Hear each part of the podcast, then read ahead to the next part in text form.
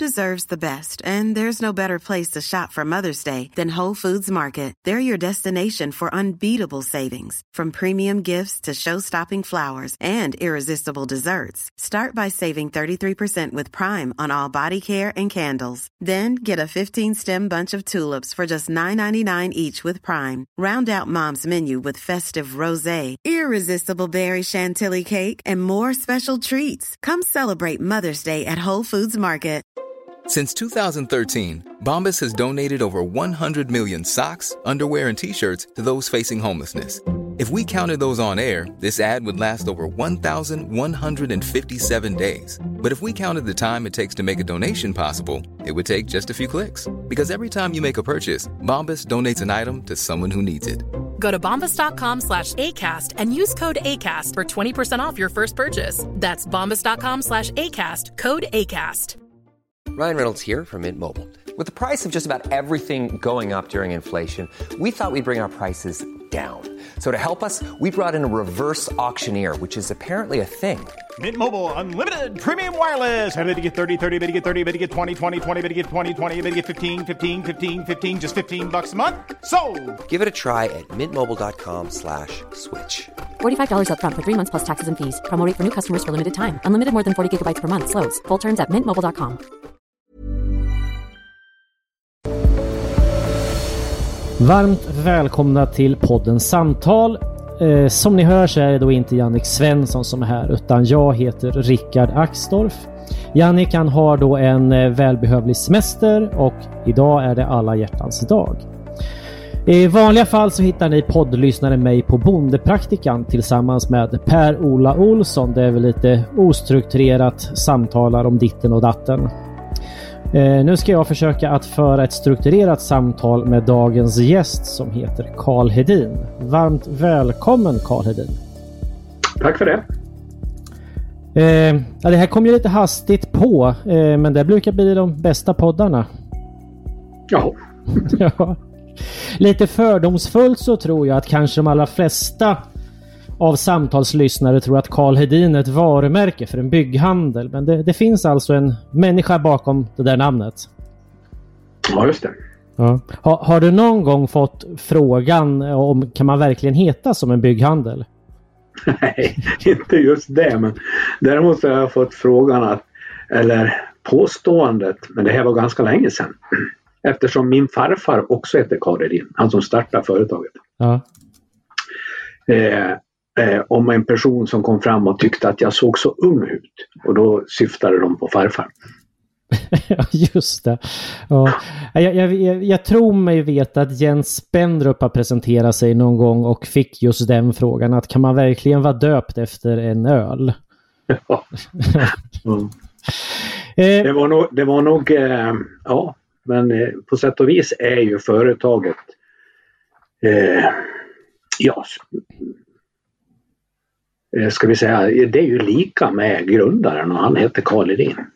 mm, Vilket ju inte är så ovanligt och då var det, när han startade det här företaget så då var det ju inte ett aktiebolag utan då var det ju Karl Hedin och Company, va? ett enskilt bolag. Som blir ju då per automatik kan man säga eh, förknippat med, med kött och blod. ja, just det.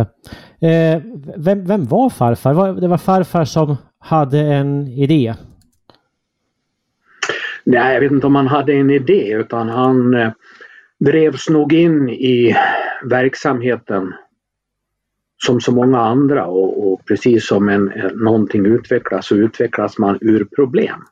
Mm. Ur en problemlösning. Och ur, ur hans synvinkel som, som var tredje barnet i en skara på nio Mm. som blev faderslös och modern alltså blev ensam med nio barn. Vilket gården inte kunde försörja. Så, så farfar fick försörja sig med att köra häst i skog. Mm.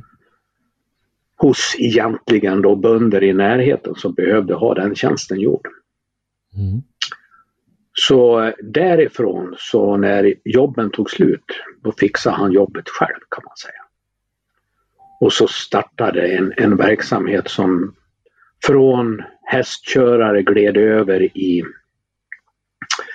eh, entreprenör som åtog sig hela uppdraget med att hugga och köra ut virke till att köpa hela, ska vi kalla det rotposten då eller vad det nu var, va? men hela avverkningen. Och sen betala skogsägaren utifrån det. Och sen blev det, gick det vidare och så började han köpa skog istället för att bara köpa avverkningsrätt. Och så var det problem med, med, att sälja timret och då startade han sågverk. Ungefär så. Det utvecklas ur problem som uppstår. Så det, det började på något sätt med att eh, sätta mat på bordet? Ja, absolut. Ja, ja. Kommer du ihåg? Det var, var så, så märkvärdigt då. Utan det var, mm. nu, nu lever vi i en annan värld va? Men, men då när det här var, det är ju början på, på 1900-talet. Eh, eh, då var det så i många familjer. Ja. Kommer du ihåg någon av hästarna? Nej. Nej. Jag kommer väl ihåg farfar. Han var ju, jag var nog 20 år när han dog. Ja, just det. Ja. Så att då, då, då, då eh, drev han upp någonting så han köpte skog och eh, startade upp då även sågverk som jag förstår det. Ja, han hyrde in sig på ett sågverk när, när eh, han blev utsatt för en, vad kallar det, komplott eller utfrysning att ingen skulle köpa timret av honom för han hade retat upp eh, en annan fastighetsköpare kan man säga. Konkurrens ville man inte ha vare sig då eller nu kan man säga. Mm. Men eh, eh, Så då fryste de ut honom, de tänkta köparna av timmer.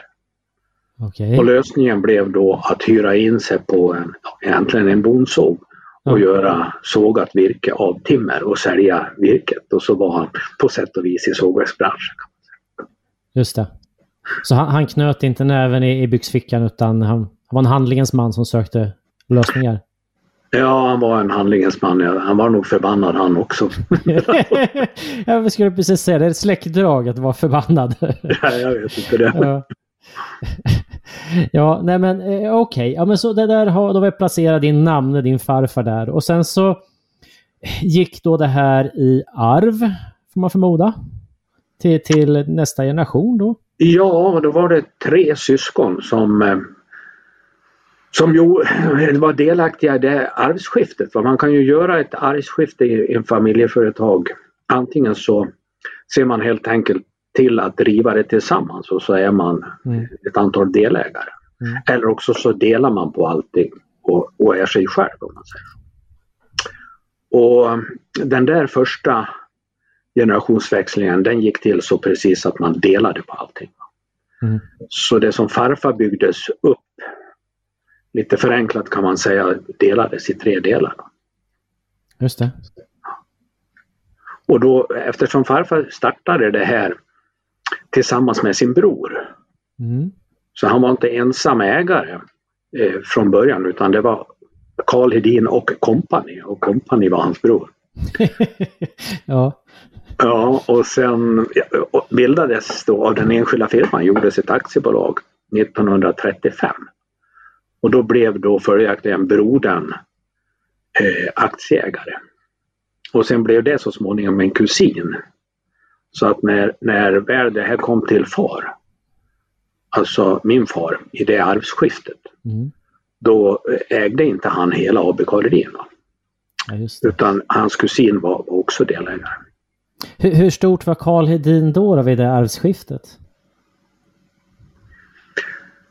Ja, du, det vet jag faktiskt inte så här rakt upp och ner. Va? Men jag vet ju hur stort det var när jag klev in i bilden 83. Då hade jag jobbat i företaget 10 år. Va? Men, men då omsatte vi 180 miljoner och så var vi ett eget kapital på 30 miljoner. Just det. Man brukar prata om antalet anställda i Sverige ofta. Har du någon minne av hur många anställda det var när du tog över? Nej, jag har egentligen ingen minne men vad skulle jag tro? Strax under hundra kanske. Mm. Din pappa Lars då, vad, vad var han för människa? Ja, han var ju eh, lite grann en del av kombinationen av farfar och farmor om man säger så. Men, men eh, han var... Eh, vet, farfar han tänkte ju sig naturligtvis en succession. Ja. Och, och han började fundera på det där ganska tidigt, för tidigt och han gjorde det på fel sätt så vitt jag kan se. Därför att han, han eh, började fråga barnen vad de tyckte. Mm. Och det där skapade spänning mellan barnen. Va? Som nog var alldeles onödigt. Men, men han hade ju tänkt sig att eh, äldste sonen skulle driva trävarurörelsen. Mm. Och att yngste sonen, vilken var min far, han skulle driva järnrörelsen som farfar hade startat någon gång på 30-talet. Ja. Det vill säga att han, han eh, ja, engagerade sig i gruvor och drog igång en hytta och gjuteri och egentligen en ganska meningslös grej. Va? Men han trodde ju på det. Mm. Och eh, därför utbildades min far till bergsingenjör. ja, just det. Och, eh, och, och hans bror då hade ju kan man säga gått eh, en praktisk utbildning i trävarurörelsen. Mm. Så eh, därav var han inte inriktad på ja, sågverk och trävarurörelse. Nej. Va, va, vad hände med eh, ber- bergsjobben och hytterna och... Ja du vet det här var Det här är ju 40-tal Ja. och eh, jag föddes 49. Mm. Och då ungefär blev far färdig från skolan. Han är född 22. Mm. Från KTH i Stockholm. Och så eh, fick han jobbet inom familjen att ta hand om den hytta och den gruvdrift som fanns i, utanför Kopparberg. Mm. Alltihop det där följde med ett stort köp av en stor skog, en skogsfastighet. Så det var därför han startade med det där. Och eh, ja, det gick, ju, det gick ju inte bra. Man kan säga att det gick skitdåligt. Bara rakt på sak. Så att eh, det där tackjärnet som producerades gick knappt att sälja. Så lagret växte ja, in i trädgårdarna runt omkring kan man säga. Eh, Rent praktiskt så, så, så staplade de upp det i, trä, i herrgårdsträdgården. Det fanns ju en herrgård där också. Ja. Och så kom Koreaboomen, Just det. vilket räddade alltihopa. Det är ju 53, 54. Va? Och då steg ju priserna upp i himlen. Ja. Alltihop gick åt. Jättebra vinst. Och efter det insåg de ju att man kan ju inte räkna med att det blir en Koreakrig för jämnan. Utan det var ju naturligtvis på sätt och vis dödfött med en, en liten hytta sådär redan innan. Så sen, efter det la de ner den. Klokt beslut. Ja. ja men det, var, det var väl skönt att ha hela trädgården full med tackjärn eh, när priset eh, rusade i höjden. Ja, jag tror inte att gräsklipp... Alltså det hade aldrig fungerat med en sån där automatisk gräsklippare. nej, nej, jag förstår det. Ja, okej, ja, men då, då landar vi där och sen så eh, tog du över efter eh, din far och din farbror var då, blev då aktieägare som jag förstod det.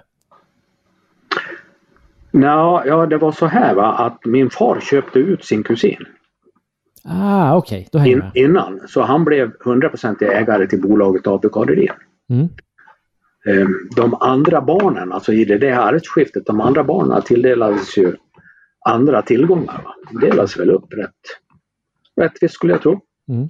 Och, eh, och far ärvde då en del av AB Karl Hedin, 73 procent tror jag.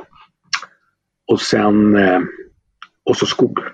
Mm. Det var vad som föll på hans lott. Och sen, sen köpte han ut sin kusin så småningom och eh, ja, tog det därifrån egentligen. Det var väldigt, det var väldigt knepiga tider kan man lugnt säga. Mm. Så det var egentligen svårt bara att, klara företaget. Var Om, ju eh, tider vet du när, när eh, kanadensare, alltså då som nu var ju England kanske den största exportmarknaden. Och, eh, och sen Europa. Eh, Fjärran Östern och sånt där fanns ju inte. Och helt plötsligt så började eh, Sovjetunionen via ett företag som heter Exportless och börja sälja varor in i Europa. Och likadant gjorde kanadensiska företag. Som då startar med en råvarukostnad som nästan är noll. Mm, mm. Både i Ryssland och där. Så för svenska sågverk var det ju, ja det var hårda tider. Man säger så. Vilket gröpte ur lönsamhet och balansräkningar. Så att i slutet på 60-talet var det jätteknepigt då. Och FAR gjorde vissa drastiska eh, saker som nog räddade företaget så vitt jag kan bedöma så här i efterhand. Mm. Eh, har, har, ni haft något, eller har du någonting att göra med Ukraina idag förresten? Nej. Nej. Eh, du, du nämnde Ryssland där, då kommer jag tänka på Ukraina bara av en slump. Ja, nej men vi har ju verksamhet i Estland. Just det. Vad, vad, vad får du för signaler därifrån i, idag? Ja, egentligen inga. Nej. Det är väl den oro som man själv känner lite grann. Som är ju... Oh, det finns ju liksom ingen, man begriper ju inte hur, hur det där spelet egentligen går till. Va. Men det finns ju en oro och de är ju med i NATO. Va, så det är väl ett steg ytterligare om man ger sig på baltländerna. Mm än att ge sig på Ukraina. Mm. Men eh, naturligtvis geopolitiskt så ligger de i farozonen. Precis som Sverige. Precis.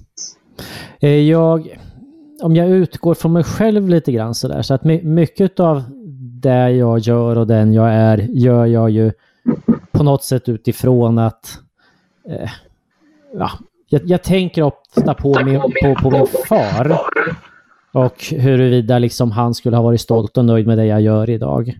Eh, vad, vad, tror du? Skulle din far vara stolt över dig idag? Ja, det tror jag faktiskt. Ja. Det är jag ganska övertygad när, när, när gick han bort? För jag antar att han inte är vid livet. 2004. 2004, ja. Så då fick han ju faktiskt vara med och, och se hur koncernen har växt rätt rejält. Ja, eh, det har han ju gjort, va? men väldigt mycket på avstånd. Mm. För att eh, 83, då när du vet, då var det ju en, en period, vi kallar det för Pomperipossa-tiden. Inte så dåligt att säga. Det, det passar rätt bra. Va? Det, var, mm. det var en tid då ja, Socialdemokraterna på sätt och vis drev ut alla entreprenörer. Det var väl drivet, politiskt drivet av, av en eh, inbillan av att entreprenörer inte behövdes. Mm. De kommer fram ändå. Mm. Vilket de inte gjorde. Mm. Utan man drev ju i princip ut entreprenörer och företagsägare eller förmögenhetsägare via en beskattning som ju var konfiskatorisk egentligen. Mm. Den stoppade väl upp med löntagarfondsdemonstrationen på sätt och vis. Mm. Och Astrid Lindgrens eh, hennes ja, påverkan på, på eh, människorna och rösterna. Va? Sen tog det ju väldigt lång tid men man, man drev ju inte igenom löntagarfonderna. Och så avskaffade man dem, det tog nästan tio år. Tror jag. Det, är rätt intressant där kring Pomperipossa och skatten och så. Det, det byggde ju då på att man, man fick betala mer skatt än vad man tjänade. Eh, och, och, då har vi ju någonstans en kulturpersonlighet som på den tiden var med eh, entreprenörerna och företagarna eh, till skillnad från, från idag. Ja, vad jag förstår så var Astrid Lindgren en, en, en eh, länge en övertygad socialdemokrat. Mm liksom många andra. Och eh, det var ju när hon, hennes böcker helt plötsligt gav en, eh, skapade en förmögenhet. Mm. Som det där, den problematiken dök upp. Va? För den, det där med att man, man betalade mer än vad man tjänade, det hängde ju samman med förmögenhetsskatten. Precis. Så det du tjänade var så att säga din din inkomst, om det nu var på lön eller någonting annat. Men när, det, när du hade fått ihop din inkomst och så tog du fram din förmögenhet och så betalade du skatt på den, då blev det högre än det du tjänade. Och det, det, det tyckte inte hon var eh, rimligt. Mm. Och det var det naturligtvis inte heller. Men eh, det där gjorde ju att med tid och längd och, och, och, det var svårt att se att det skulle bli någon förändring på det där. Va? Det tar så lång tid. Va? Det drev ju eh, ut jättemånga entreprenörer ur landet. Mm. Och min far inkluderat. Mm. Så det var ju en av orsakerna till att det blev ett generationsskifte.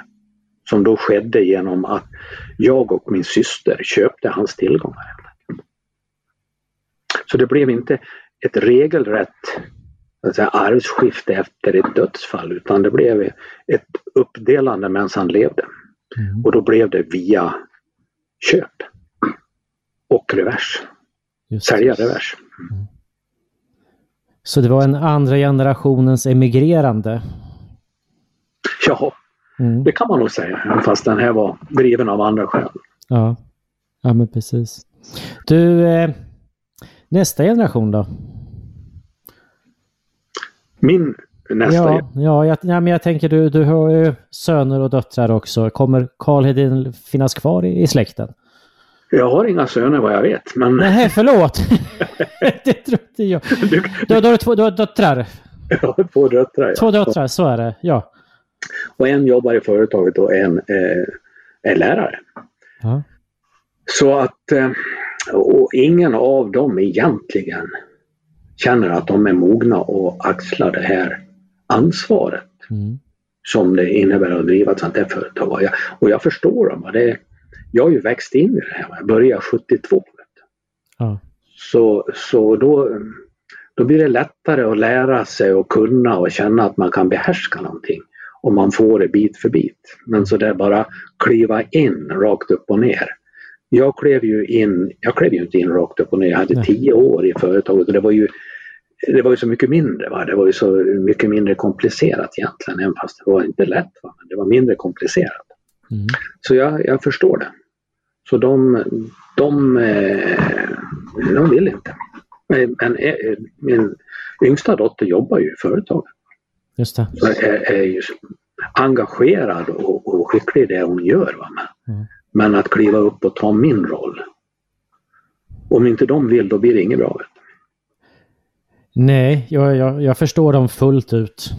Eh, det, Och det är inte bara der, deras väl och ve det handlar om. Och det handlar om så många människor som, som eh, de säkert också känner. Det, det ansvaret är inte de beredda att ta.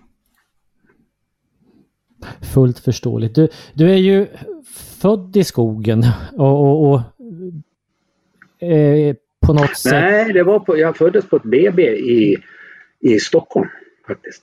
Ja, okej. Eh, men Jag du blev, upp... kvar, jag blev kvar där två månader, sen har jag inte kommit tillbaks. men precis. Ja, vad, vad, eh, hade du komplicerade första två månader eller? Ja, det sitter Ja. ju du. det, det, det är därför du blev som du blev. Ja, visst. ja, ja, svåra.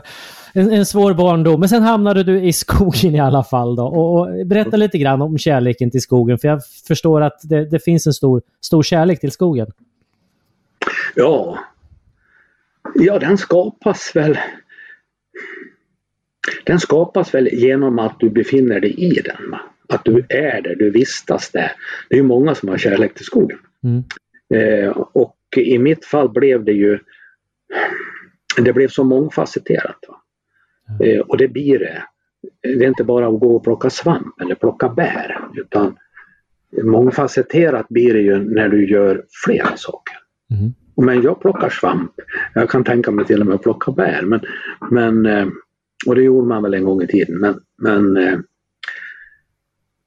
sen kom, kom ju jakten in i bilden ganska tidigt. Mm. Inte via min far, för han var inte direkt jaktintresserad. Men han ordnade lite representationsjakter och då, då hyrde han in hundkarlar. Ja. Och då dök det upp en, en man ifrån Umeå som hette Bengt Sandgren. Ja. Som var bonde. Mhm. Och skogsägare, mindre skogsägare i Umeå-trakten. Och han vart god vän med min far. Då, va? Och med honom gick jag i, i skogen med han, de hundar han hade. på kanske 8-9 år. Mm. Så det var han som jagade in mig om man får säga så va? och fick mig riktigt intresserad av jakt. Invigde mig i alla dessa, dess hemligheter eller vad ska jag säga. Det är ju den andra sidan av saken. Den, den tredje sidan är ju när du börjar bli, känna skogsägandet. Mm. Som är ju en form av bondekänsla. Mm. Du odlar någonting och även fast det är långsiktigt så är det ju lite samma sak som själva jordbruket. Mm. Du sår och du skördar och du ser hur det växer och du donar och grejar och, och riktigt lever med. Man kan säga det att samma känsla som när eh, potatisen mm. först visar sig mm. i, på våren.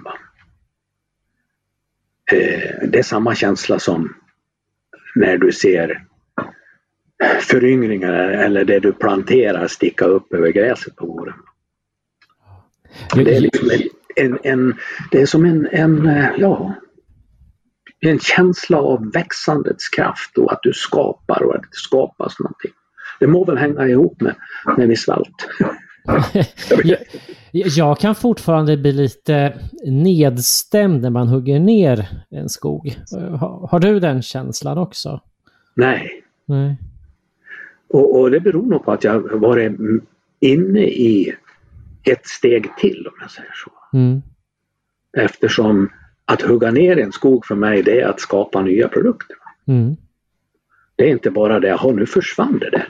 Samtidigt, jag kan inte se eh, ett kalhugge som direkt fult. Jag kan inte eh, påstå att det är vackert. I varje fall de första 5-10 åren.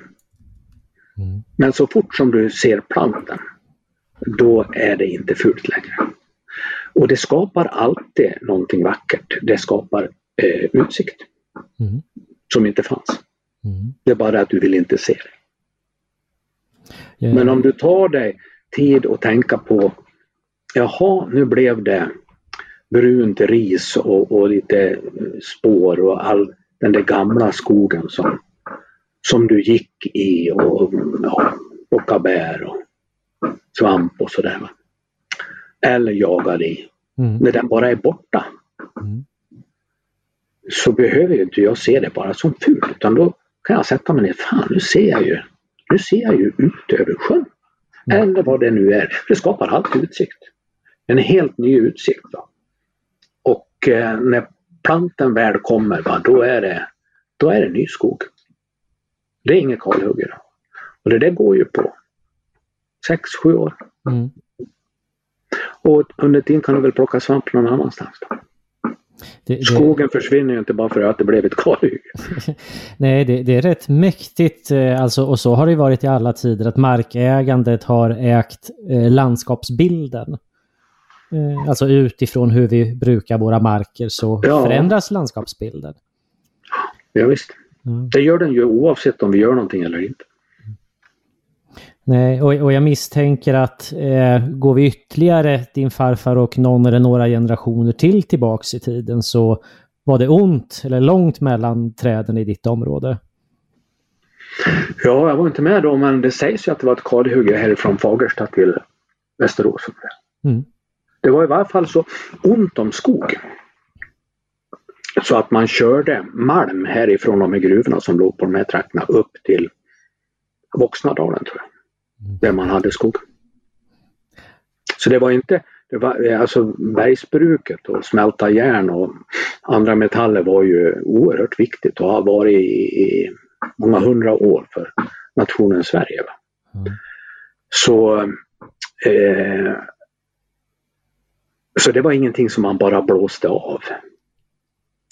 Eh, utan man bara utökade det där och blev ju en viktig försörjningskälla för bygdens folk som kolade och eh, väldigt mycket gick ju åt att kola och, och, och, bryta, bryta malm kan man säga och transportera. Och, och blev ju en inkomst då för, för den växande befolkningen. Så det var ju en viktig del, det var ingenting som man bröt av och till slut så växte ju den där produktionen så att eh, det var inte malmen som var begränsande, det var eh, kolet. För då, då kunde man ju bara smälta igen med träkol på den tiden. Mm.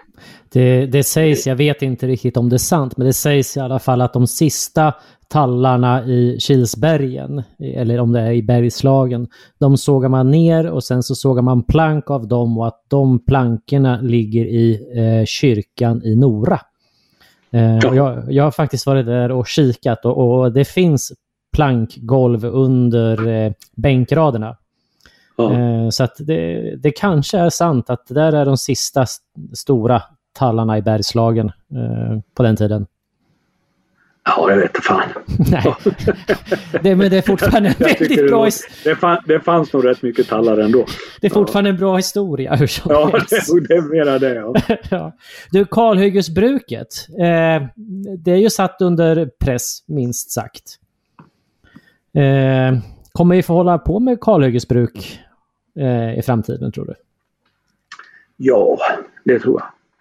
Eh, man kom, alltså det som pågår nu som är så tvetydigt va, det är att vi ska minska avverkningar på olika sätt. Ett sätt är ju då att förbjuda, mer eller mindre förbjuda eh, trakthyggesbruket kanske man ska kalla det snarare. Mm. Eh,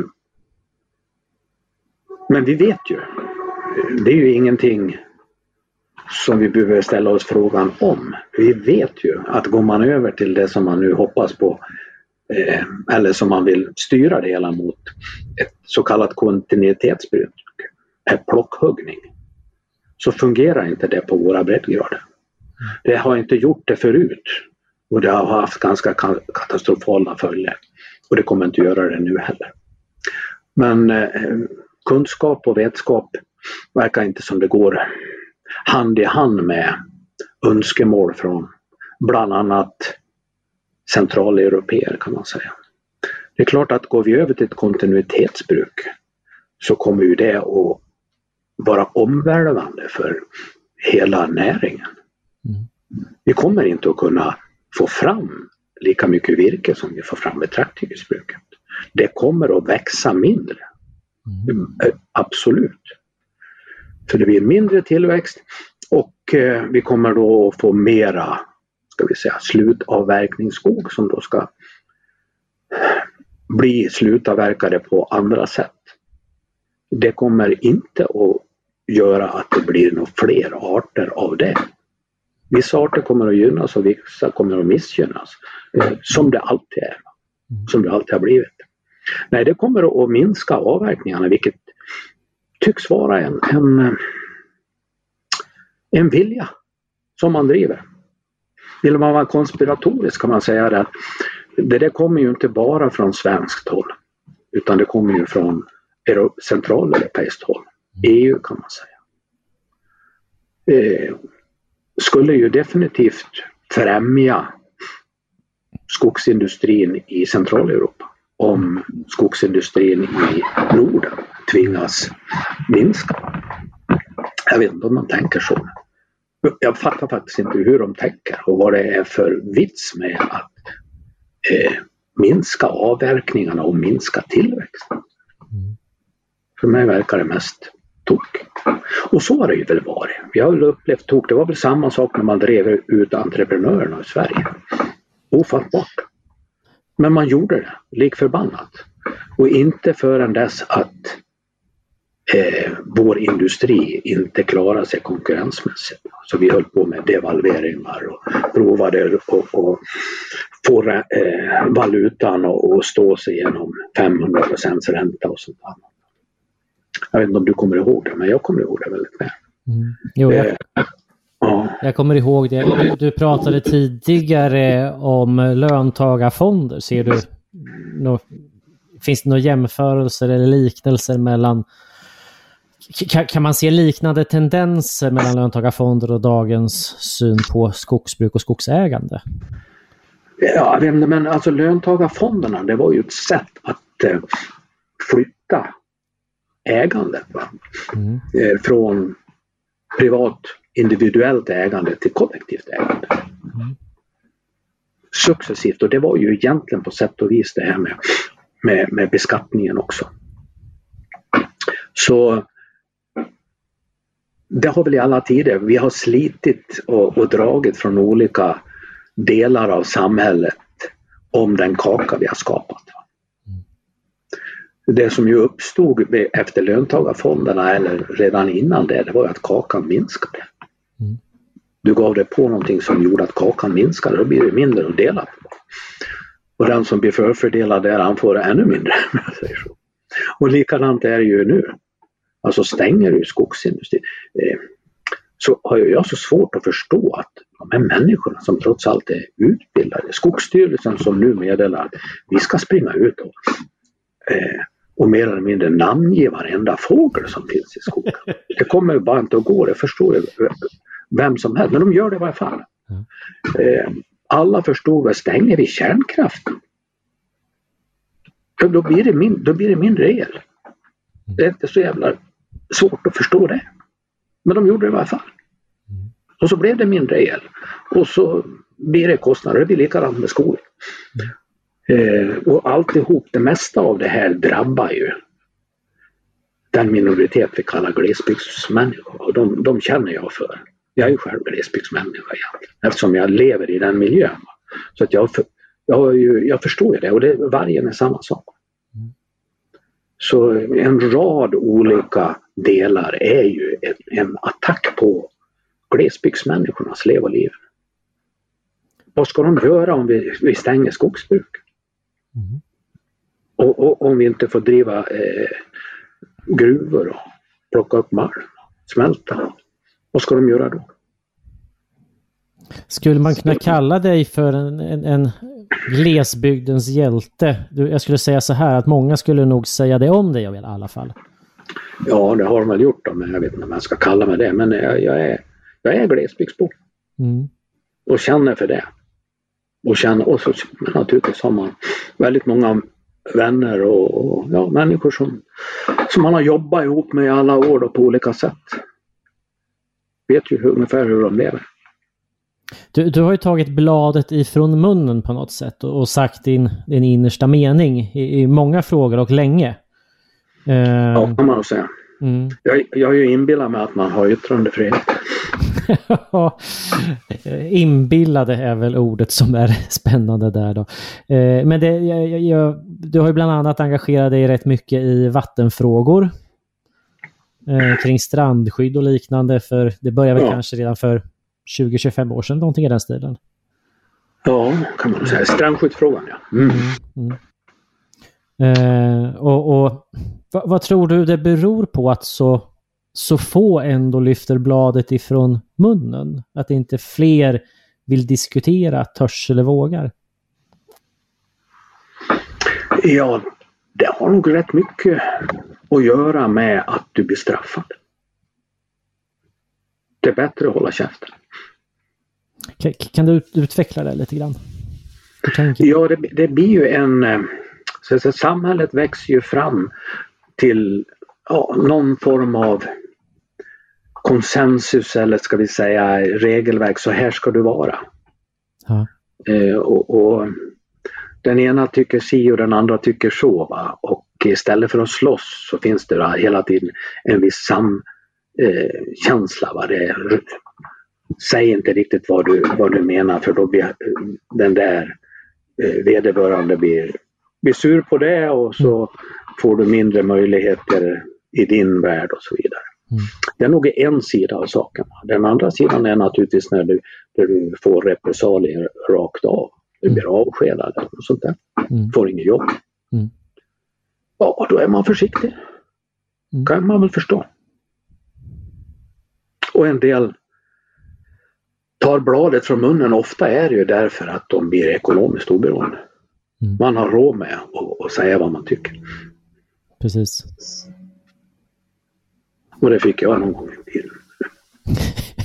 ja, eh, jo nej men alltså det, det, kostar att tycka och tänka och säga eh, sina innersta tankar och det kostar att sätta sig på tvären för att man på något sätt tror sig ha rätt.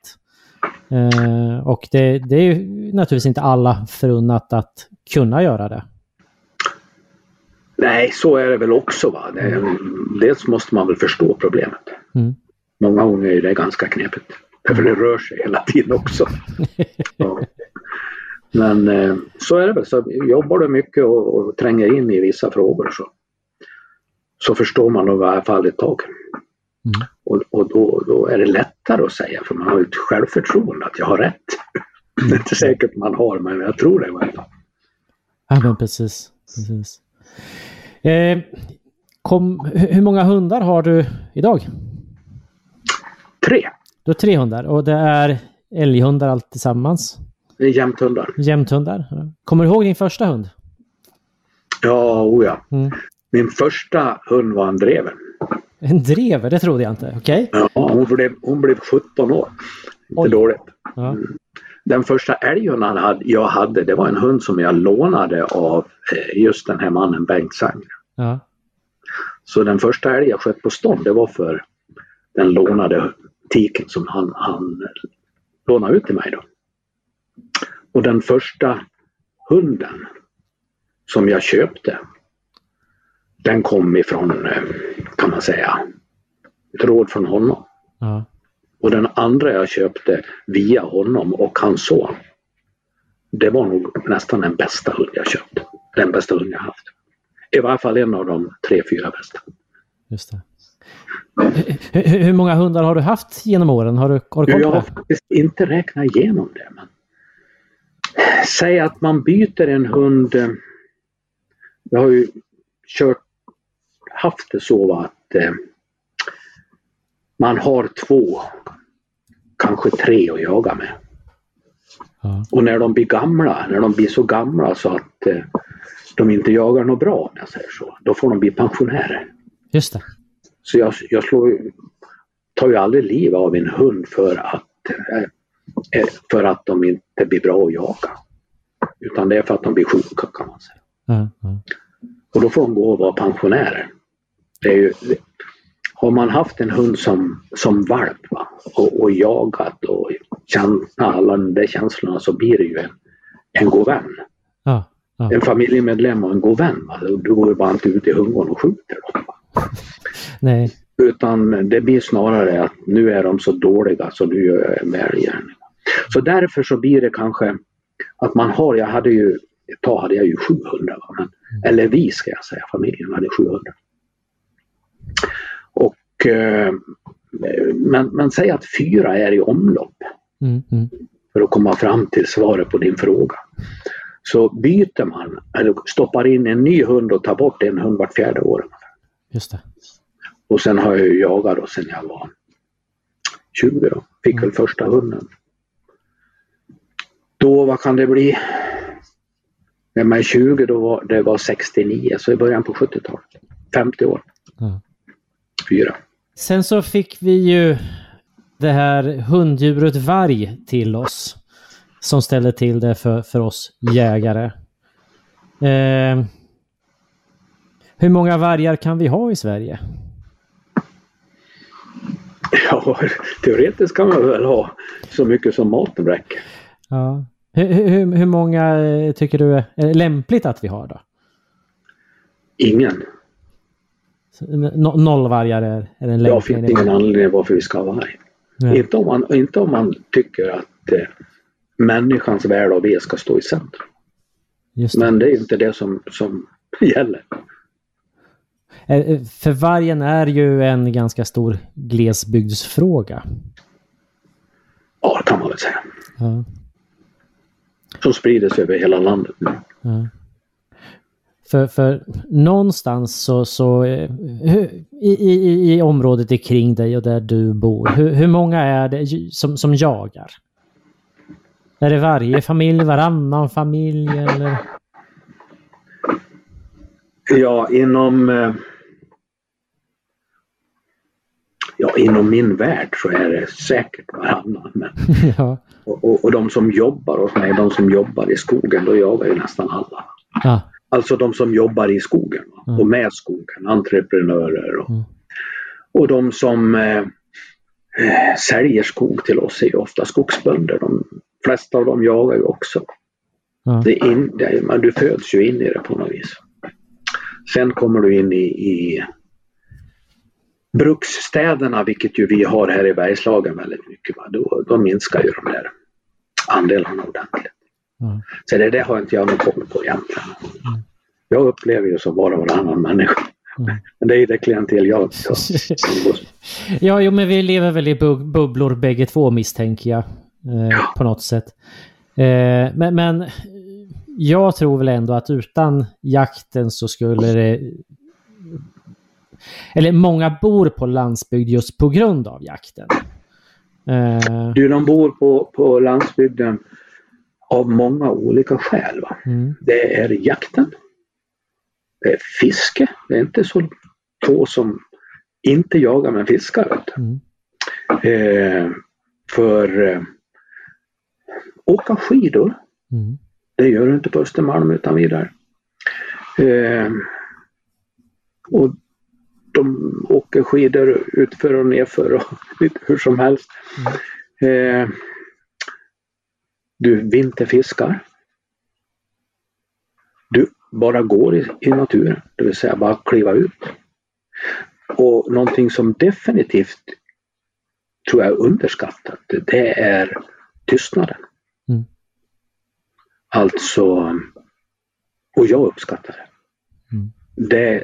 Där jag bor nu, va, det kan jag inte påstå att det är tyst. Men om jag, om jag tar mig iväg en, två kilometer, då blir det tyst. Åker gärna ut och, och, och sätter mig där. Eh, Så det är väl ja, det är en annan, ett annat tempo. Många fördelar. Och sen får du väl stå ut med att det är andrahandssorteringar i affären och det finns ingen taxi. Och mm. få om du inte beställer långt, långt i förväg. Men jag tror inte det går att beställa faktiskt. Vi får se om det får. Ja. Eh, ja, det finns ju jättemånga nackdelar på det viset. Mindre utbud egentligen av allt möjligt. Mm. Nöjen och, och idrottsevenemang och Mm, mm. produkter av alla slag. Min värld är väl inte det så, så svårt att undvara men många, många, för många är det ju hela livet. Ja. Jag vet, du, du brukar ju prata om, om eh, delheter som blir en helhet. Eh, Mm. och, och du har pratat om flera av de här delheterna som, som gör helheten som på något sätt eh, är anledningen till att man eh, väljer att eh, bo på landet och bo på, i glesbygd och att man står ut med att man inte har samma service och samtidigt så slipper man ju faktiskt en, en hel del av de problem som finns eh, på andra håll i städer och så vidare. Ja, men visst är det så. Ja, vi lever ju i en helhet, vi lever ju inte i en delhet. Nej men, Men vi, det bygg, helheten byggs ju upp av delheterna. Ja. Och så ja, kommer man av olika anledningar in på det ena eller det andra. Ja. Det är också så att, att eh, bor man glest som det är här va, så slipper man ju en massa människor. och det kan ju vara en fördel ibland.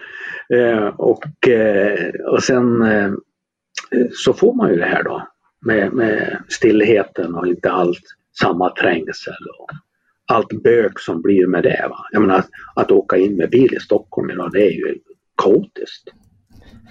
Mer eller mindre. Ja, så blev det och det var väl ingen som tänkte att det skulle bli så men det, det blev så.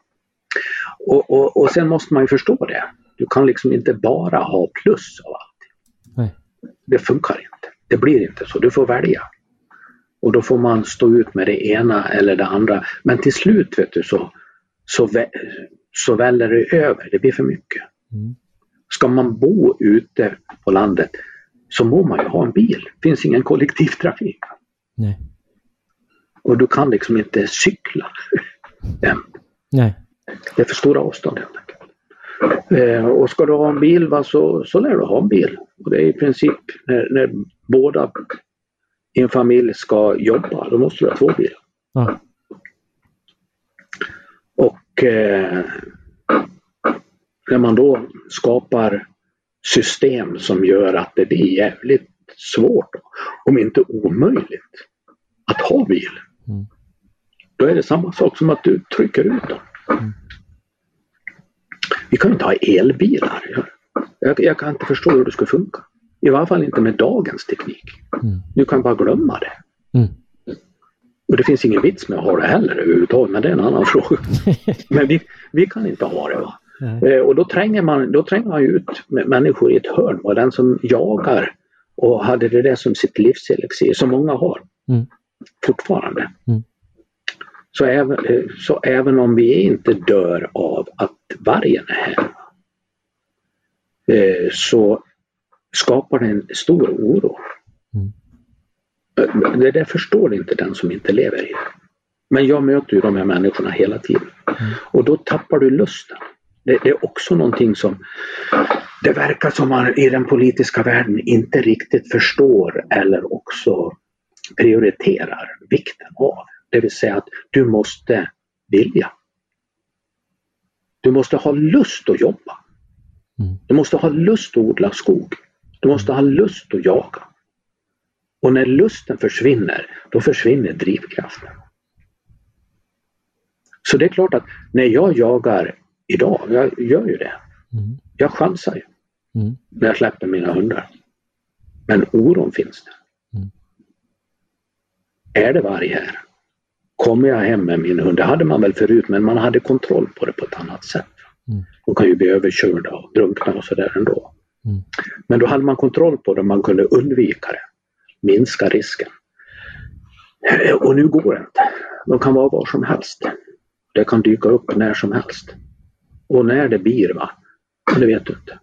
Och då får du leva igenom den sorgen. Mm. Han lever ju igenom rätt mycket sorger i sitt liv. Men, men eh, det förstör själva eh, känslan av att jaga om du hela tiden ska gå omkring och vara orolig. Mm. Och det förstör eh, också det här med förvaltandet som ju är ett, lite samma sak som, som bonderiet va? eller skogsbrukandet. Att du, du skapar ju någonting, va? du förvaltar någonting och du gör någonting som du tror blir bättre för oss som lever där. Va? Du förvaltar ju en älgstam. Mm. Du väljer ut vad du ska skjuta och du tänker igenom och håller på med det där nästan hela året. eh, och, och mår riktigt illa om du råkar skjuta en kalvko eller något sånt där. Ja. Därför att då minskar reproduktionen och då blir det mindre att jaga och så vidare. Mm. Man mår illa när man ser en, en man tycker det är slöseri med resurser när, när du ser en, en älg som är riven av varg.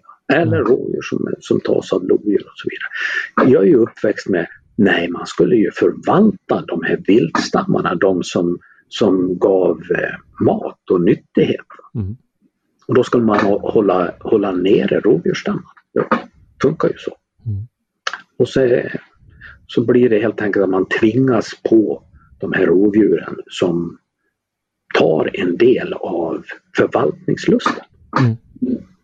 Så jag, jag, pratar inte liksom om eh, antalet vargar, jag, jag pratar om, om förvaltningslusten, om jaktlusten. Mm. Och den, den kan bara säga, den minskar hos mig och hos väldigt många andra. Var det sen tar vägen någonstans. Är det likadant med förvaltningslusten för, för skogen? Eh... Ja, den minskar också. Mm. När du känner att det är någon annan som sitter och hittar på sånt som är rent stolligt. Vi ska gå ut och räkna fåglar. Som inte går.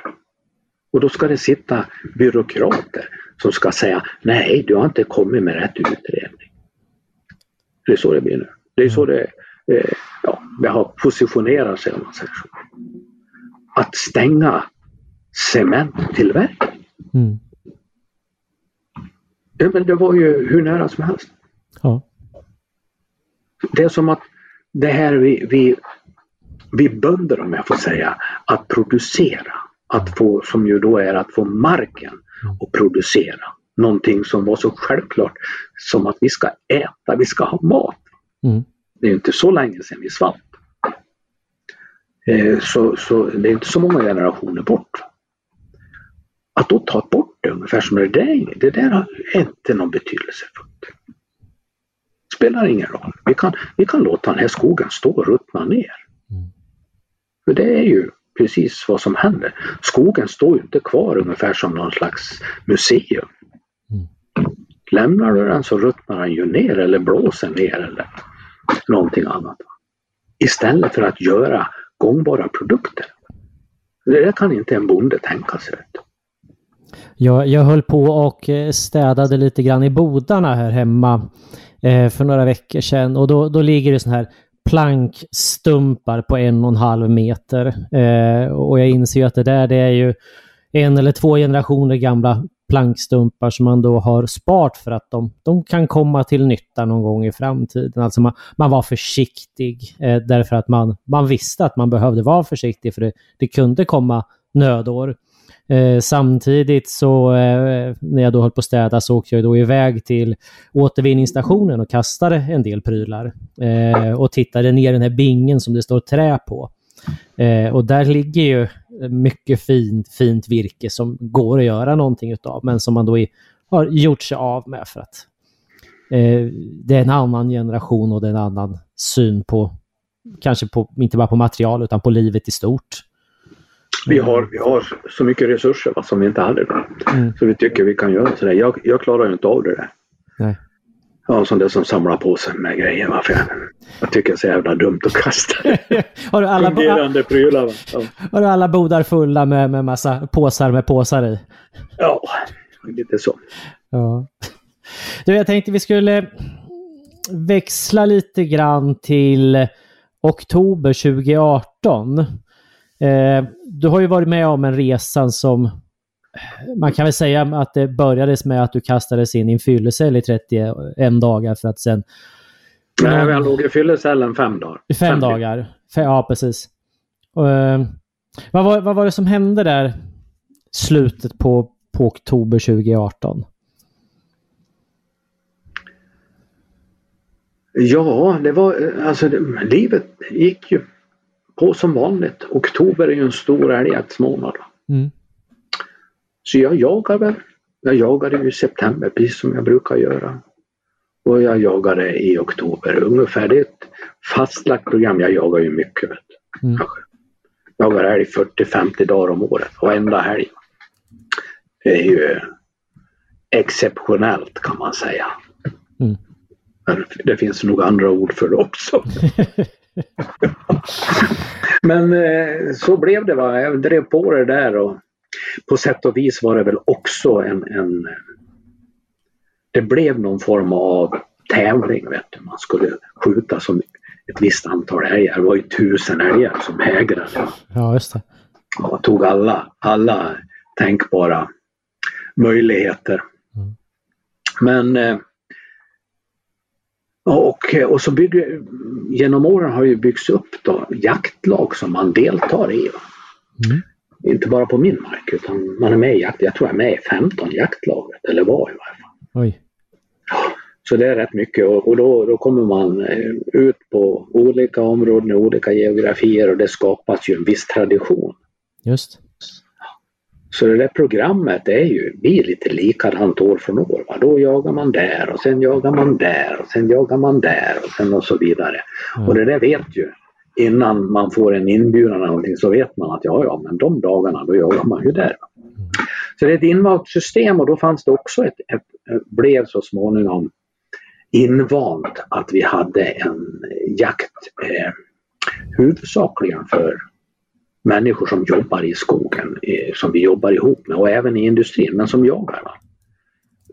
Och så är det en del som, också, som man har nära samarbete med på trakten kan man säga på olika sätt.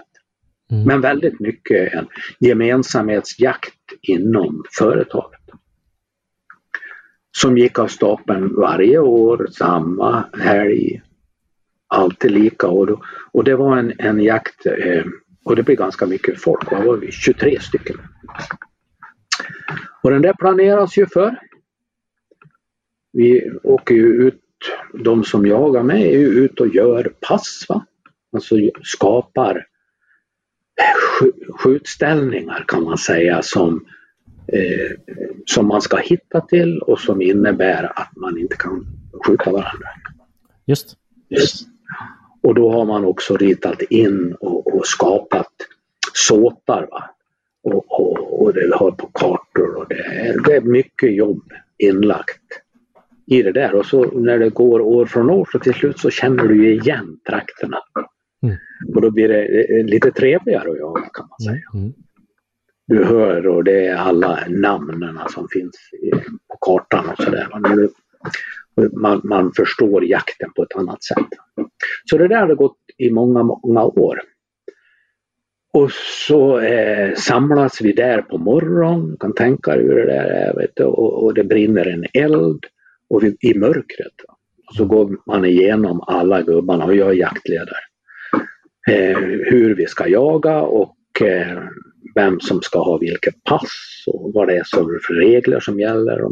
Man får en, en, en, en liten skrift då, som berättar vad det är som gäller. Va? Alla vet ju i princip det ändå. Man varit med i alla år. Va? Men man vet inte vilket pass man ska ha. Man vet inte vilka såtar man ska ha. Det avgör jag. I varje fall så var det precis som vanligt. Och, och dagen eh, innan så sitter jag och jobbar som vanligt framför den där datorn. Mm. Tittar in i den där skärmen och trycker på knapparna. Kommunicerar. Och så eh, får jag då ett samtal.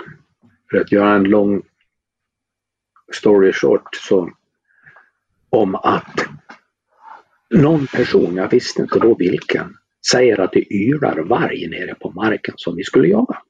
Mm. Det innebär att då ramlar frågan eh, ner i jaktledarens ryggsäck om jag säger så. Ja. Vad gör jag nu? Det första, och du vet då är det ju planerat. Allting är ju inlagt på kartor och just hur såtarna ska vara och vem som ska stå vad och vad hundarna ska gå ut beror på vad, hur det blåser. Va? Men Mm. Men eh, ja, det där blir en eh, komplikation. Därför du, du kan inte med berått mod släppa in hundarna i någonstans där, där du säger här är det en vargflock. Mm. Och det första som man önskar ju det är att det inte är en vargflock. ja. För då, då slipper du en massa problem. Så när jag fick det beskedet så sa jag till killen, åk ner och kolla om det där är rätt. Därför att eh, ja, vargar ylar men det gör hundar också. Mm. Och hur långt bort är det? Det här var ju en, en, en sån där väldigt hörbar dag. Va? Alldeles vindstilla och klart. Så eh, han gör det och jag kände bara så här att ja, vad är det där någonstans? Jag åker ner och kollar jag också. Det är bättre att vara på plats. Mm. Och jag hade väl en halvtimme på mig, 40 minuter kanske. Mm. Så jag gjorde det. Och så var det bra med det. Jag hörde ingenting. Mm. Och eh, han som åkte ner innan, jag träffade honom då när jag, när jag kom ner. Han hörde ju ingenting heller. Så ja, och sen hade jag ett jobb att göra då så att jag åkte iväg och gjorde det och sen åkte jag hem. Och på hemvägen då ringer den här medarbetaren som var med mig ner. Va? han som fick telefonsamtal om att det ylar vargar. Mm. Då ringer hans pappa mig och säger att han var gripen av polisen. Jag fattar ingenting. Mm. Utan jag bara tänkte, vad sjutton har de hittat på nu? Eller vad har han hittat på? Ja. Jag kopplar aldrig ihop det med att vi var där nere på våran jaktmark. Nej. Den där korta stunden. I varje fall så funderade jag på det och, och, och jag ringde andra om de visste vad som hade hänt. Mm. Nej. Och eh, så kom jag hem. Packade ryggsäcken inför morgondagen. Och eh, så skulle vi till, precis till att äta middag. Jag och min fru, vi var ensamma. Då glider det upp en bil på gården i mörkret. Då. Det är ju sex på kvällen va, i, i 26 oktober. Kolmörkt. Mm. Och eh, knackar på dörren. som vanligt är det ju öppet där vi bor. Men han klev inte in. Utan är det någon granne eller någonting som kommer, de brukar knacka och så kliver de in. Men det gjorde inte vi. Alltså jag gick upp och öppnade. Mm. Och eh, ja, då står det en, en, någon, en figur där med en polisbricka och sen får på, är från polisen. Får jag komma in? Ja, klart han får komma in. Jag visste inte att det gällde mig. Nej. Eh, hade egentligen ingen aning om vad det handlade om. Och så kommer min fru ut och då kommer det en kille till som tar undan henne. För hon undrar ju då, Mm, mm. vad är, vad är det som händer nu? Det var ju folk, oknytt folk som kom. Eh, ja, tog undan henne bara. Och sen visiterade de mig och i princip stoppade in mig i en bil och körde mig till häktet i Stockholm. Var det en hotfull stämning eller hur? Nej, jag kan nog inte säga det annat än att ungefär, de betedde sig ungefär som de trodde att jag skulle lilla jag. Fan, ungefär. Jag är nästan lika lång som du. Eh, Li- Lika, lika liten. ja. Så de trodde att du skulle bro- brotta En ner gammal dem och gubbe springa. på 1,70 va? vad fan skulle jag göra? Det där var ju långa ståtliga pojkar. Med, med pistolen i högsta hugg. Nej, det hade de ju inte framme. De hade naturligtvis pistol på sig. Ja. Visitera mig. Fullständigt osannolikt att jag skulle liksom sitta med, med pistolen i, i, i, i bakfickan. Ja, han visiterade mig i varje fall och konstaterade att det fanns inga farliga grejer. Och sen i princip tog de ut mig i, i, i bilen och om de sa att jag var misstänkt för olovlig jakt, eller så, jag, jag minns inte det. Det var, det var ju så overkligt. Ah. Det var, det var Ja. som att vara med i en film ungefär. Ja, Ja. Så de bara tog mig som jag var. Ja. Och sen hamnade jag i- på Kronobergshäktet. ja, just det. Och där sitter det någon, någon ung kvinna och berättar vad jag är misstänkt för. Jag, jag kommer inte riktigt ihåg det. Rabbla upp en massa jävla nonsens egentligen. Mm. Och sen slungar de in mig i, klär de av mig, sätter på mig sådana där gröna fångkläder och, och strumpor fick jag i alla fall. Det var ju bra det. Och så för de in mig, jag minns att en av vakterna bröt upp armen på ryggen. va. Jag menar, i en korridor där övervakarna, det, det, det är bara utstuderat jävligt. Mm. Och så kastar de in mig i den där fyllecellen som ju är Ja, det är ju till för människor som inte kan klara sig själva. Va? Som ska ligga där på en plastmadrass och eventuellt spy av sig. Just Dit slungar de in mig och alla andra. Vi var ju fullt nyktra. Va? Var ju... det visste väl alla. Men, men hur, Men dit, hur, dit hur många var... Men Vi var ju fyra som greps då och sen greps ju en senare. Så det var fem stycken som greps. Ha- Hamnade de också i, i fyllecell i, i Stockholm? Allihopa hamnade i fyllecell. Jag låg väl fem, men jag tror att den som låg mest låg nog elva dygn. Ja. Och det må väl vara, man klarar väl fan av att ligga på en, en madrass på golvet. Men man tycker man skulle kunna ha en kudde. Du, du fick inte ens en kudde? Jag fick inte en kudde. Nej. Eh, man tycker ju att man skulle kunna tända och släcka lyset. Ja. Man tycker att, att det skulle kunna finnas en möjlighet att, att komma till en toalett, toalett utan att be om det. Mm. Och man tycker ju att man skulle kunna åtminstone få sova. Mm. De, de tillät ju inte att jag sov. De väckte mig ju. Och allihopa andra, samma sak. Mm. Du kunde, eh, du slumrar ju till, va? man blir ju så jävla slut till slut att du slumrar ju till och så väcks du plötsligt. Mm. Så att de, den sömn du får blir ju en, en dålig sömn, du blir ju slut. Mm. Och jag vill absolut påstå, det är precis det som är meningen. Mm. Det är en form av tortyr. Det är rätt o... Det, det står man väl ut med, men varför? Jag, Vad, vad, vad är ditt svar på varför? Ja, det var ju därför att eh, den, där, den där typen som inte tycker som vi, Mm. han ska vi näpsa till. Så, så, att det handlar mer om vad du tycker än vad du gör eh, när du ligger där och funderar på varför? Gjort, jag, jag hade ju inte gjort. Nej. Det vet vi ju idag. Mm. Nyfiken fråga, har du någonsin sett en varg eh, springandes i, i, skogen i Sverige någon gång? Ja. Har du det? Jag har gjort två gånger. Ja. ja, ja. ja det, det, det, har inte jag en, gjort. En gång kom han efter. En gång kom min hund efter vargen. Ja just det, så det var ombytta roller där. Det, är det var ombytta roller. Och det berodde nog på att vi var rätt mycket folk. Va? Så vargen kände sig nog störd. Och det, mm. Jag tror att det är så. När de märker att det är någonting som de inte behärskar då, då drar de sig nog, då blir det flyktkänslan snarare än revirkänslan eller matkänslan eller vad ska säga, som tar över. Mm. Ja, så därför så, den jakt, jag hade ju många gånger jag jagade själv. Gick mm. ut med hundarna och jagade själv. En fantastisk känsla egentligen. Mm. Det gör jag inte längre. Nej. Av just det skälet. Mm. Just det. Till, till, tillbaks till cellen då. Då var du i, i fyllecell i fem dygn. Ja. Och vad hände sen då? Ja sen, flyttade, ja, sen var det ju en häktningsförhandling som inte var någon förhandling alls. Mm. Utan eh, då kördes jag till Västerås i fångkläder, midjefängsel, handfängsel som satt fast vid en vakt. Mm. Och det är klart att har jag den här fantastiska kroppshyddan så förstår man ju hur rädda de måste ha varit. Ja. Och så förs jag ju in i rättssalen. Mm. Du vet, nu har inte jag sovit vettigt på fyra dygn. Mm.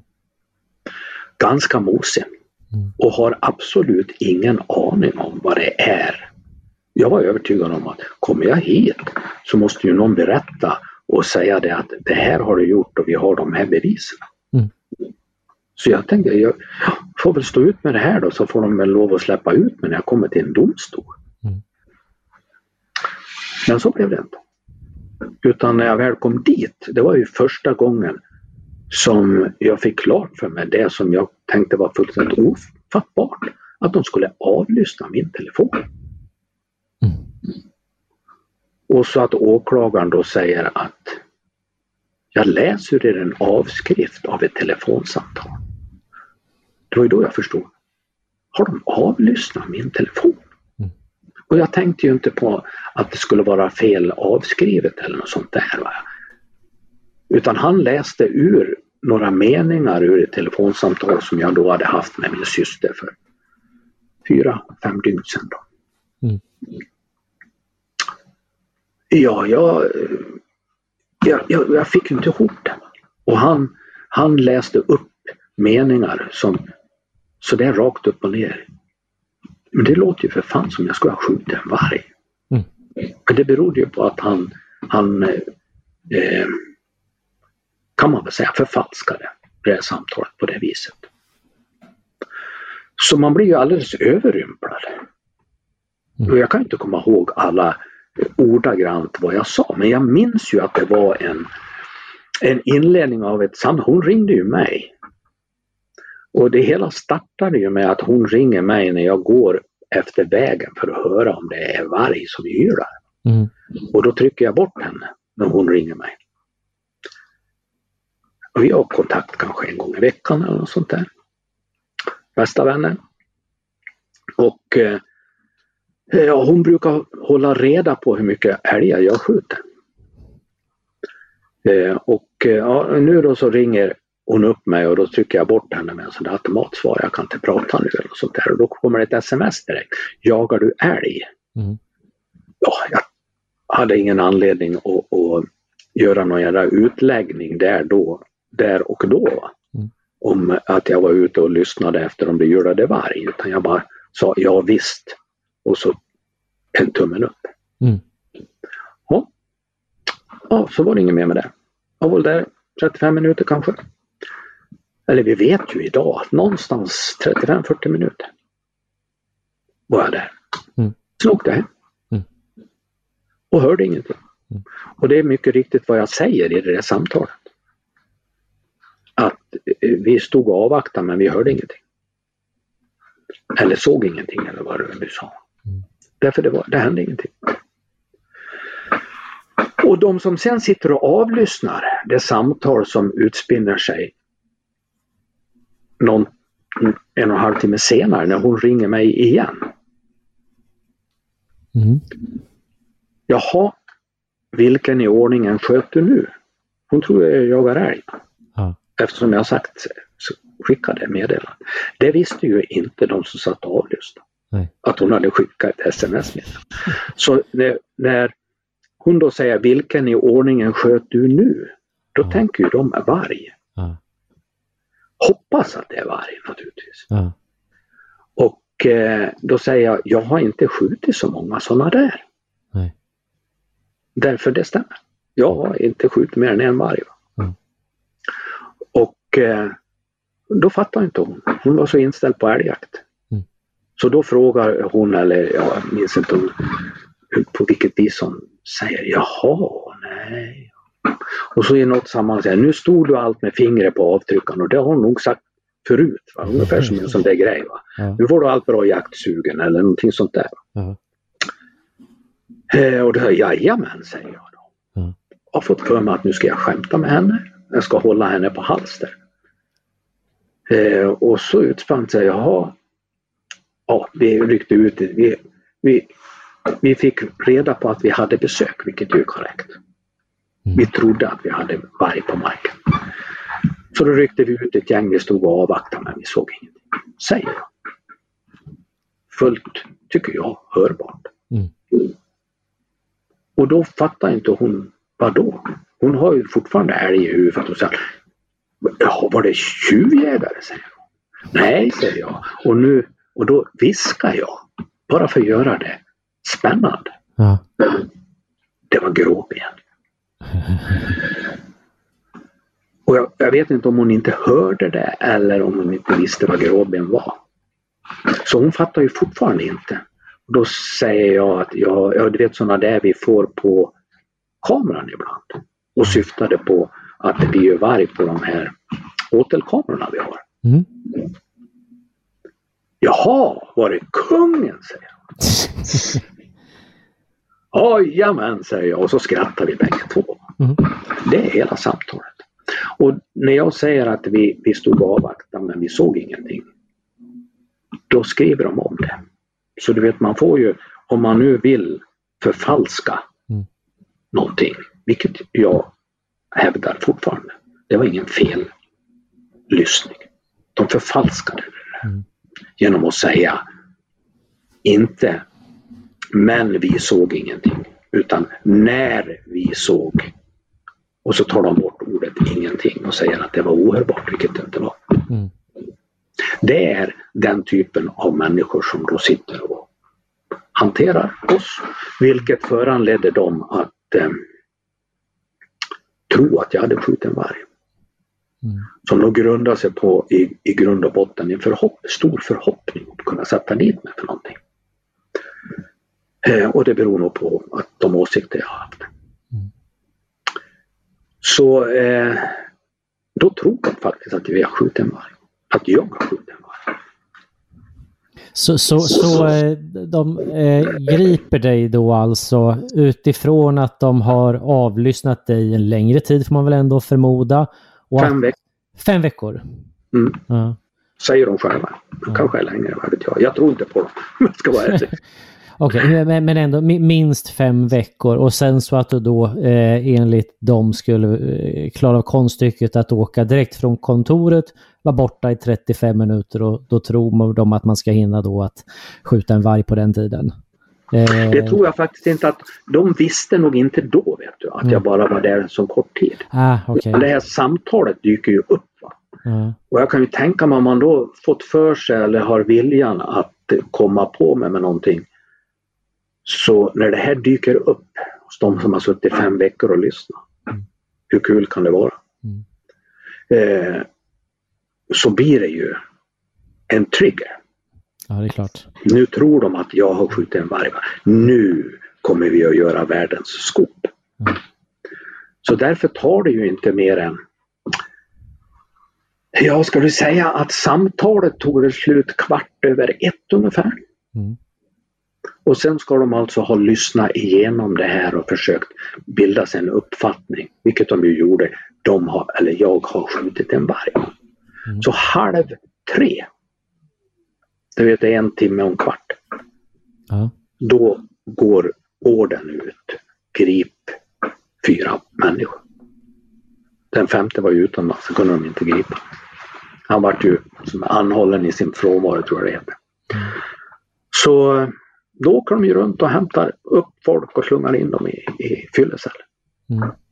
Var, var det likadant för de andra att det, det dök upp eh, gäng poliser och, och, lite så här halvburdust? Eh, Nej, den första greps ju klockan fyra. En och en halv timme efter sen det här hände och han greps ju av Stockholmspolis. Så Stockholmspolisen var på plats då eller? Ja, de måste ha varit på plats kanske inom en timme. Vilket innebär att de var där. Ja. Vilket innebär att det här var planerat.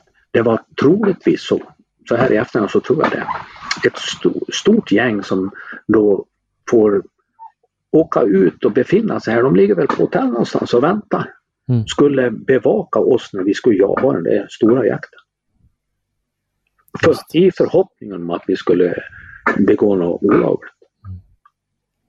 Vet du varför det var avlyssning i minst fem veckor? Eh, vad som ja. föranledde det? Vad, vad hängde det ihop med? Ja, det föranledde på samma vis som att man förfalskar grejer så, så eh, följde man inte lagen.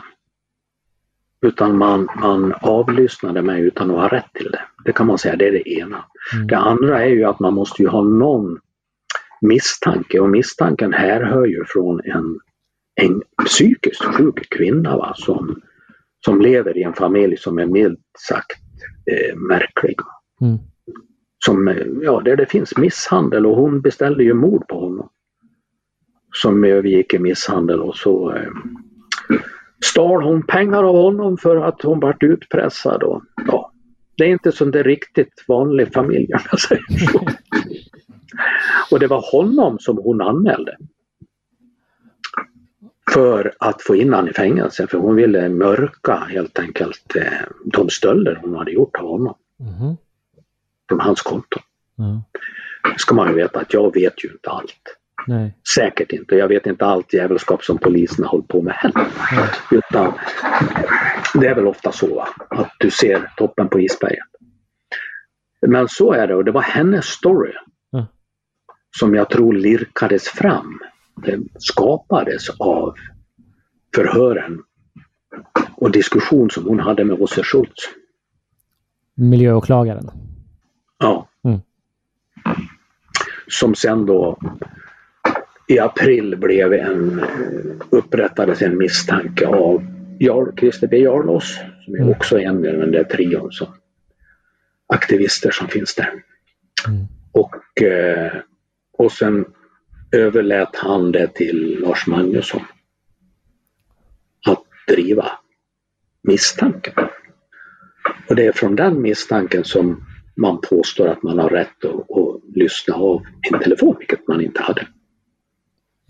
Och så gjorde man det och så klarade man inte av, eller ville klara av att lyssna och förstå vad samtalet egentligen gick ut på. Mm. Utan man var så triggad med det. Och sen var man inne i, då hade man ju gjort hela den här grejen.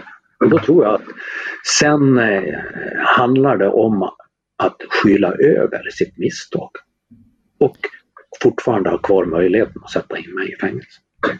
Eh, om jag kommer ihåg rätt så var det som så att åklagaren skyllde på att eh, han hade dåliga eh, eh, utrustning för att lyssna av, alltså dåliga eh, här, ja, hörs, hörselskydd eller vad det kan heta. Hörlurar va? Hör, hörlurar. Visst var det så att han skyllde på, på hörlurarna?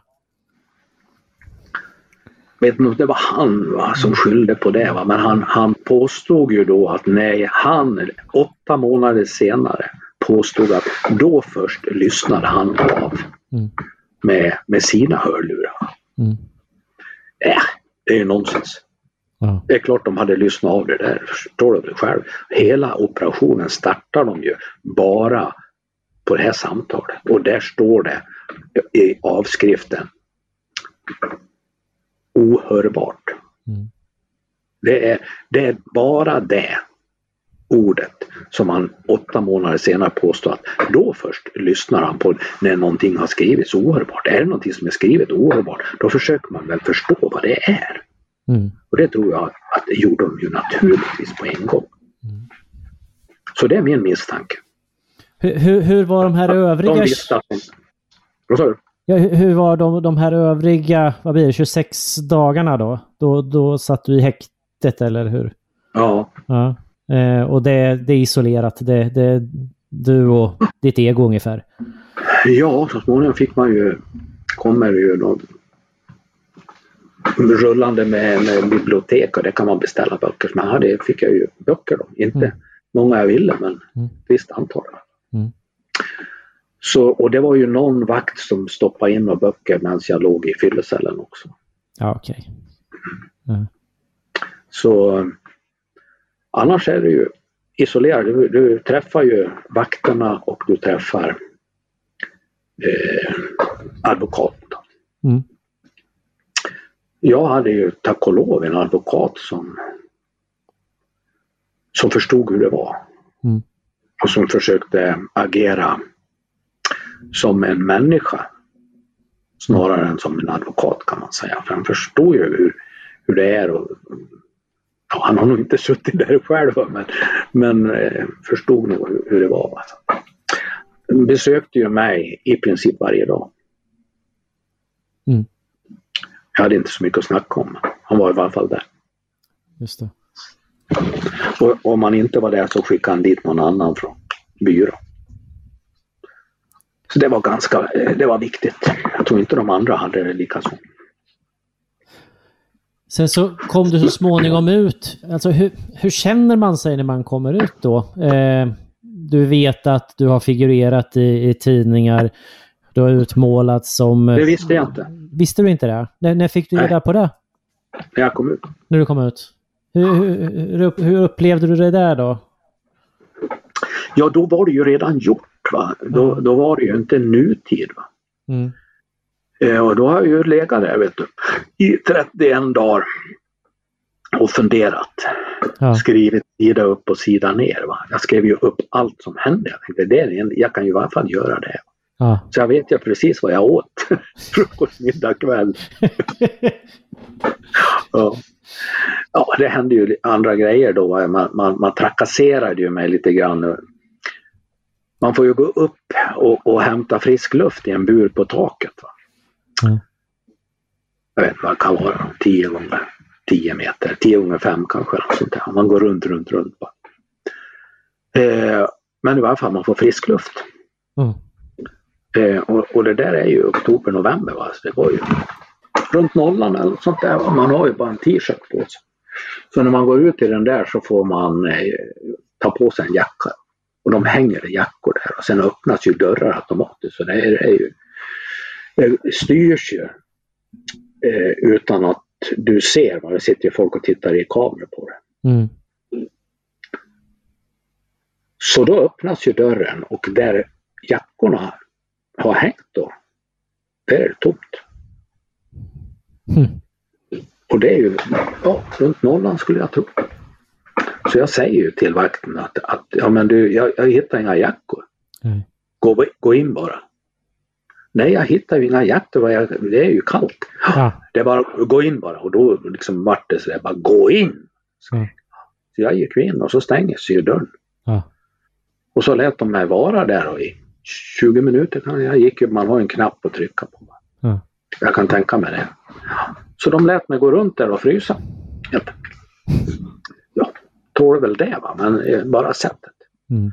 Och sen gick man över till att man fick bestämma innan. Vill du vara där 30 minuter eller en timme? Jag gick alltid en timme. Va? Ja. Det var ett avbrott i vardagen Ja. och frisk luft. Ja. Och man går bara runt, runt. Ja, Inget annat. Så, men jag varierade. Ibland gick jag cirklar, ibland gick jag åttor. Men du, det, Ja, det har ju lagts ner enorma resurser på detta. Eh, man stängde väl ner sågen och tömde eh, pannan på aska, bland annat. Nej, Nej. man st- stängde inte ner sågen.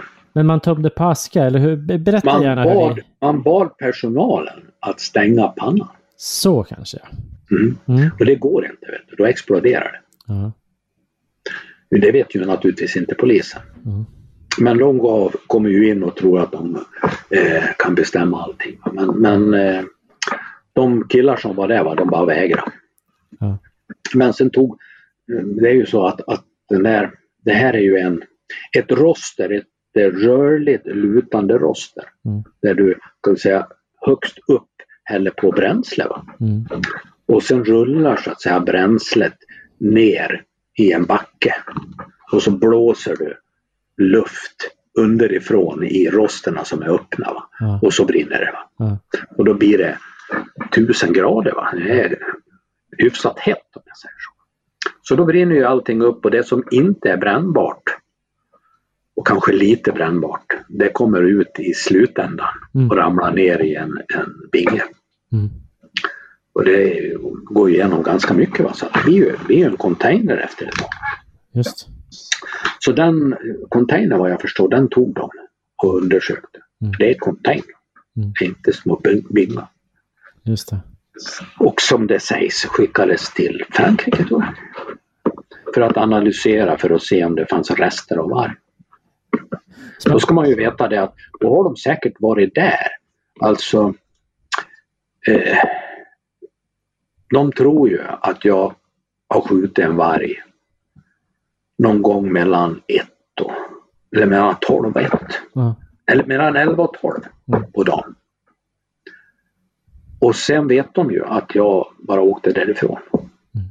Och sen skulle någon alltså ha tagit den här vargen, åkt och lämpat in den i pannan.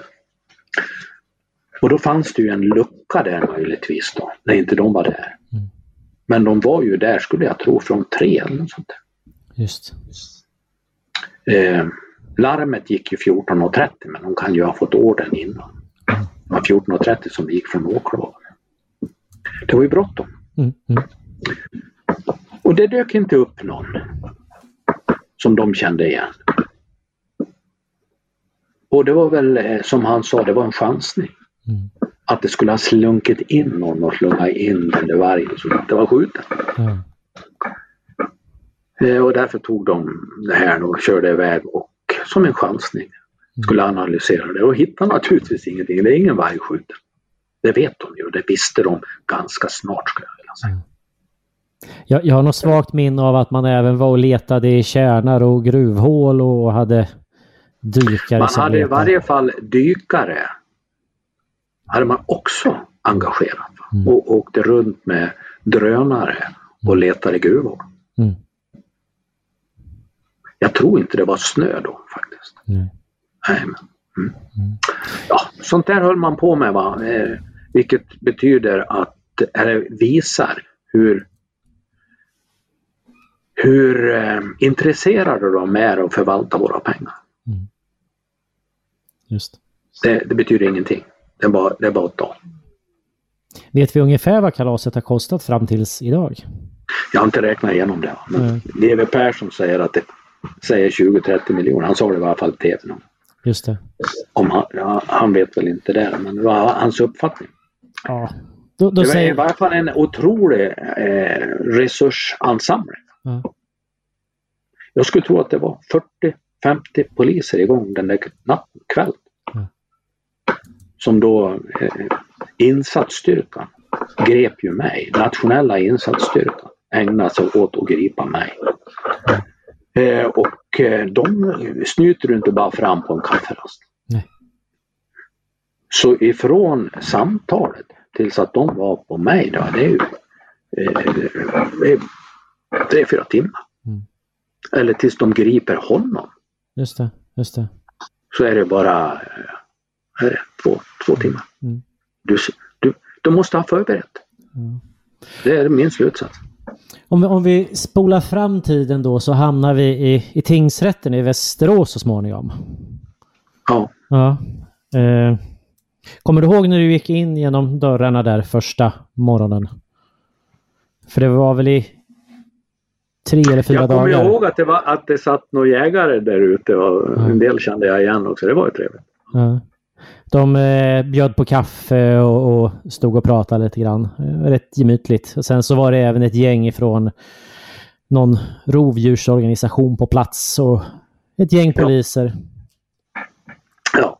det var det. det var, jag vet inte om det var. Jag tror inte jag så. Mm. Ja. Eh, jag, jag, var också på plats och jag, jag, jo, det fanns poliser som övervakade det hela på utsidan. Det borde det ha varit, men jag såg dem väl inte. Nej, nej. Eh, ja, men vi kan väl säga också att jag, några av de här dagarna så var jag på plats eh, i tingsrätten och, och lyssnade på, på förhandlingarna. Eh, och eh, jag har väl en egen uppfattning om vad, vad det handlade om, men hur, hur, hur var de där dagarna? Ja, de var ju... De första dagarna var ju väldigt spännande. Därför ingen visste ju om eh, rättegången skulle bli av. Mm. Eh, jag var ju så glad att det äntligen blev av. För åklagaren hade ju bara skjutit och skjutit och skjutit utan att det fanns något nytt att göra. Utan mm. Jag vill ju påstå att han sköt på det där bara för att eh, plåga mig så mycket som möjligt. Mm. Och det är en plåga att inte, att inte någonting händer. Mm. Att det bara, bara finns som du anklagar för ett brott som du kan hamna i fängelse för. Mm. Du vet att du inte har gjort det, men du ser ju hur eh, polisen och åklagaren förvränger det ena efter det andra. Mm. Hur olagliga de är. Vedervärdiga skulle jag vilja säga. Mm. Men jag tycker att de är. I varje fall så var det ju skönt att det skulle äntligen bli av. Nu ska ju åklagaren berätta. Vad har du för någonting? Som ska bevisa det som inte har hänt. Ja, och eh, då var det ju den här, hans bevisning, det var ju den här psykiskt sjuka kvinnan. Ja. Som hade sagt någonting någon gång 2017. Som hon sen 2019 tog tillbaks och sa att hon ljög. Och hur den där världen för, för henne och hennes familj, jag vet ju inte hur det där går till, men så blev det ju de facto. Mm. Och jag vet ju att hon ljög. Mm. Men åklagaren tycker, nej hon ljög inte. Mm. Utan hon ljög andra gången och hon sa att hon ljög. ja. Så han valde det. Eh, och det berättar väl en hel del också. Att han så bet sig fast att det måste vara rätt. För det var det enda som fanns. Mm. Vilket eh, då gjorde att hon som vittnesmål var ju det enda han hade. Mm. Även fast hon säger att hon ljög. Mm. Men det ska ju sägas i rätten. För det är ju bara det som sägs i rätten som, som gills, om jag säger så. Mm. Så det var ju nödvändigt att hon kom dit. Och hon hade ju nekat att komma dit och han hade därför åtalat henne. eh, på för att hon skulle ha hjälpt sin man genom att överlämna plastpåsar som han skulle kunna hälla gift i. Ja, väldigt allvarligt brott. Men han åtalade henne med, bara för att eh, naturligtvis han får ha in henne i rättssalen så han ska kunna pressa henne att säga sa inte du så här då? Mm. Och det har han väl gjort då. Och sen ska de, han ha med en, en polis som ska säga jo, hon var väldigt trovärdig. Den är Anna Bergqvist, den minst trovärdiga som finns tror jag. Eh, I varje fall, ja, näst den här människan. Men hon dök ju inte upp. Nu var hon inskriven på psyket i Västerås och fick såna här elchocker. Det är hans trovärdiga vittne. Så det blev ju helt plötsligt väldigt eh, Ja, det blev en frågeställning. om du var där så vet du det. Kommer hon hit överhuvudtaget? Annars blir det ju inställt. Mm. Ja, och eh, det var ju vad vi möttes av när vi kom dit. Kommer hon överhuvudtaget dit? Kommer det här bara att ställas in? Och det var väl vad de flesta trodde. Men domaren han eh, ansåg inte det. Han har bestämt sig, nu är det dags för att det här blir färdigt någon gång. Mm. Så han eh, begärde att eh, hennes försvarare skulle i så fall komma med ett sjukintyg. Annars skulle hon bara hämtas dit. Mm.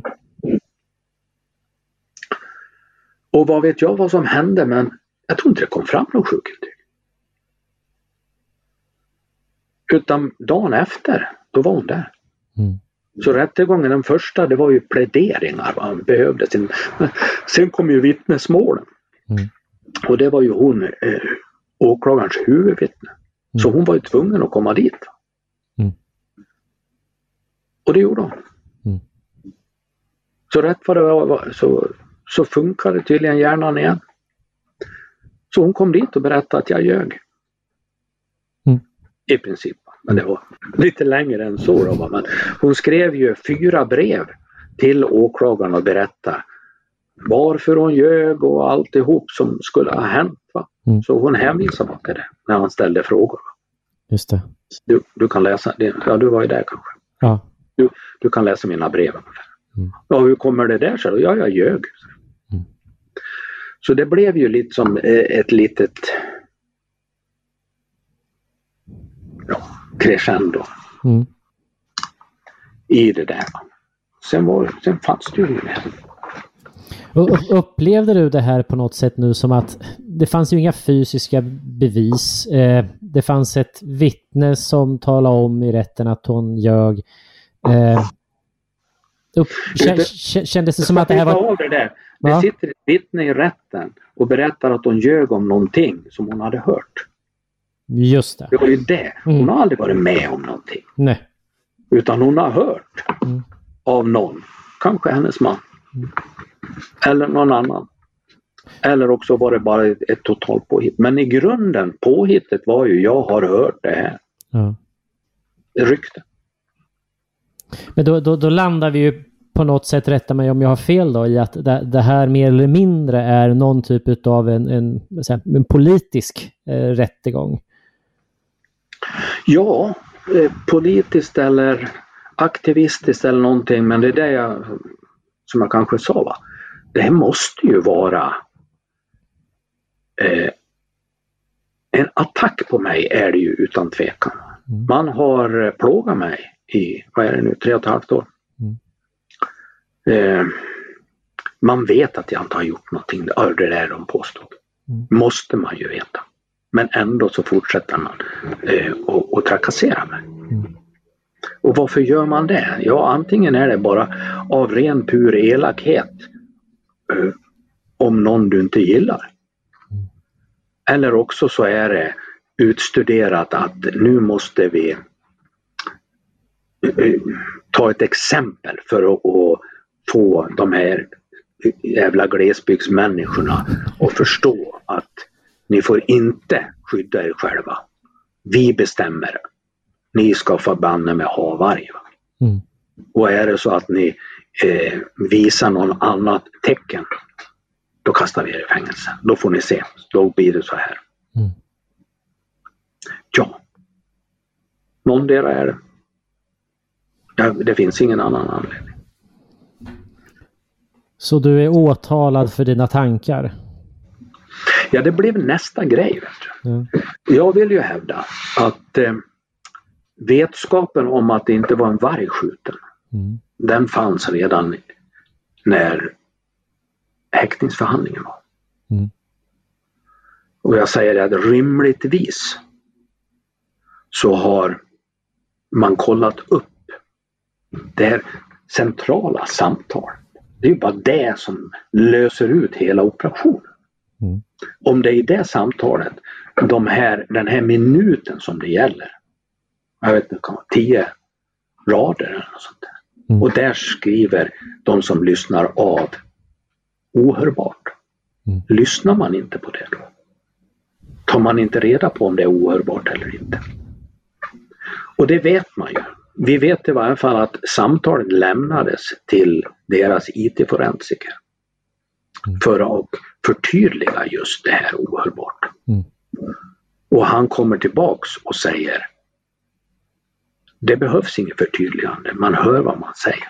Lyssna i mina hörlurar. Det säger han till eh, chefs eller utredningsledaren Anna Bergqvist. Mm. Mm. Så det gjorde de ju. Och då kan man säga när? Ja, men det vet ju vi inte. Mm. Men det är väl ganska rimligt att man gör det på en gång. De var ju samma eh, lokal. Kolla upp vad det är. Mm. Och då Ja. visste man att vi såg ingenting. Och då visste man att det var ingen varg skjuten. Och så lägger du samman med det. När man kom till häktningsförhandlingen så visste man att jag var bara där i 35 minuter. Man visste att jag bara hade vanliga kontorskläder. Mm. Klädd så här som jag är nu. Och man har inte hittat ett hår av en varg, ingenting. Det fanns ingenting i pannan. De har rimligtvis gått runt och letat där de visste att jag befann mig, för det har jag berättat. Mm. Eh, och det har då Robert som, vi hade ju ingen kontakt, vi visste inte, de förhört honom. Så vi har ju samstämmiga uppgifter. De visste ju det. Jag, jag har ju sett på amerikanska deckare hur, hur de gör. Då sätter de ju plastpåsar över händerna med gummisnoddar för att kolla efter krutstänk. Gjorde de det? På dig? Nej. Nej. De har väl kunnat kolla bössan då. Ja. Och det kanske de gjorde. Mm. Men till deras förskräckelse så, så upptäckte de att den var inte avlossad. Nej, men precis. Det vet ju inte jag om de gjorde eller inte. Men, Mm. men eh, vapnen hade de ju. Tog de ju på kvällen. Mm. Så nej. Eh, jag kommer fram till i, i, i efterhand att nej, de visste Mm. att de hade gjort fel. Mm. Och då hade de inte tillräckligt kurage för att säga ursäkta, vi gjorde fel. Vilket är ganska mänskligt om man, om man har något kurage. Mm. Men de gjorde inte det. Och sen blev det bara värre och värre. Va? I och med att jag hade människor som hjälpte mig och jag la ner all den här tiden på att faktiskt ta reda på hur det var. Mm. Och när vi såg att de hade varit, hållit på med olagligheter, då anmälde vi dem. Just det. Ja, de mötte på motstånd helt plötsligt. De mötte på ett motstånd som, jag, jag tror alltså att eh, har man inte de resurserna som jag hade, Mm. då fixar man inte det. Mm. Det är det hade de nog inte räknat med. Det är rätt Och när, obehagligt. när, han då, när han då tvingas till slut förstå och acceptera, jag kan inte hävda att han har skjutit en varg, för han har inte skjutit en varg. Mm. Det tror jag han visste redan vid häktningsförhandlingen, men nu förstod han att det här kommer inte jag kunna skylla undan. Mm. Då säger han helt plötsligt, alltså nu är det Lars Magnusson, åklagaren. Nu lyssnar jag mina hörlurar, alltså åtta månader senare, och nu hör jag ju att han inte har skjutit en varg. Men han var nog där och jaga så han tänkte skjuta en varg om det kom. Vilket blir slutsatsen. av det. Mm. Då ändrade han sig. Då, eftersom han inte kunde få fast mig för någonting, då hittade han på någonting. att Jag vet nog hur du tänker. Och hur vet han hur jag tänker? Jo, mina åsikter. Mm. Tycker man så där, då tänker man nog skjuta en varg om det kommer. Så mo- mordförsök på varg. Ja, eller att jag, ja, ja kan man säga. Jag, han påstår att jag jagade varg. Ja. Och det finns som säger att jaga är ju att vara beredd att döda. Mm. Annars är det inte jakt? Just i, det. i juridisk mening. Mm. Så då blir det ett tankebrott. Som naturligtvis inte går att, bevisa. Men han drev det i varje fall. Sen Och det var det han överklagade. sen som vi då förflyttar oss fram till 2001 på, var det på våren där när du friades? Från tingsrätten. Ja, Ja. det får gå. Eh, och då, då får vi även se... 2020 är det väl va? Ja, det, du, du borde veta bättre än mig. Ja, Eh, jag, jag har skrivit 21 i mina anteckningar, men... ja, ja, eh, ja. ja, det kanske var 21 då. Ja. Ja, ja, ja det, det är åldern du vet. Ja. Rättegången var väl eh, månadsskiftet februari-mars. Ja, det stämmer. Och sen tog jag nog dem på sig en 14 dagars veckor och fattade domslutet och sen väntade han precis tre veckor och sista timmarna så överklagade Just. Och då får vi läsa domen och då är det väl rätt tydligt eh, att man eh, kapar eh, åklagare med fotknölarna. Ja, det får man lov att säga. Ja. Jag tycker nog att det de säger eh, visar på att egentligen så tycker de att det här är ett obefogat eller ett falskt åtal. Mm. Och sen har, man ö- sen har man överklagat detta då och nu väntar vi på... Han har överklagat och vi har överklagat hans beslut att överklaga Mm. Till en överklagare. Hon hette Astrid någonting. Mm. Som tyckte att jo, men det där var riktigt. Så de är två som har överklagat. Så, så två stycken har överklagat och då är det Svea hovrätt vi pratar om va? Ja, till Svea hovrätt. Ja, precis. Och de behöver och eh, då är det inte när åklagaren överklagar så är det inte då måste de ta upp det. Mm. Så det är inte prövningstillstånd. Och nu, Och det nu, har de inte gjort. Och nu höll jag på att säga så här att och, och när tror du att du får svar på detta? Men jag tror att egentligen är ju frågan och när tror du att landsbygden eller glesbygden får svar på detta? Ja, vad ska man tro?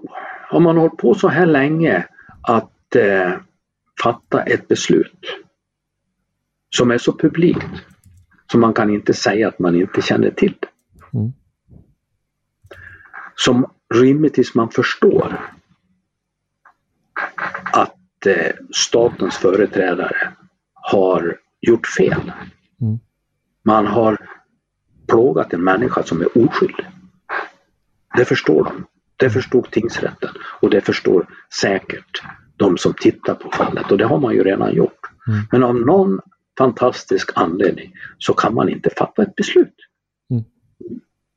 Och skylla på corona och allt möjligt vad som Mm. man kan skylla på. Mm. Mm. Utan det ska andra gå före för att få ett besked. För att bli fri. Antingen blir man ju fälld eller också blir man fri. Men jag har inte fått en lagakraftvunnen dom. Just det. Va, va, vad Och händer det kan, när... man väl, det kan de nog hålla på med hur länge som helst. Och då börjar man ju efter, vad det nu är, gått nio månader. Mm. Så börjar jag fundera på, kommer man överhuvudtaget att ta upp det? Det kanske är en ny metod. Låt det bara Mm. dö ut. Mm. Då får jag aldrig någon kraftvunnen. Va, va, va, Alltså, alltså rättsväsendet vet du, har ju visat upp sig från en sida så det kan man mycket väl tänka sig. Jag känner ju ingen i Svea hovrätt, jag vet inte hur de är.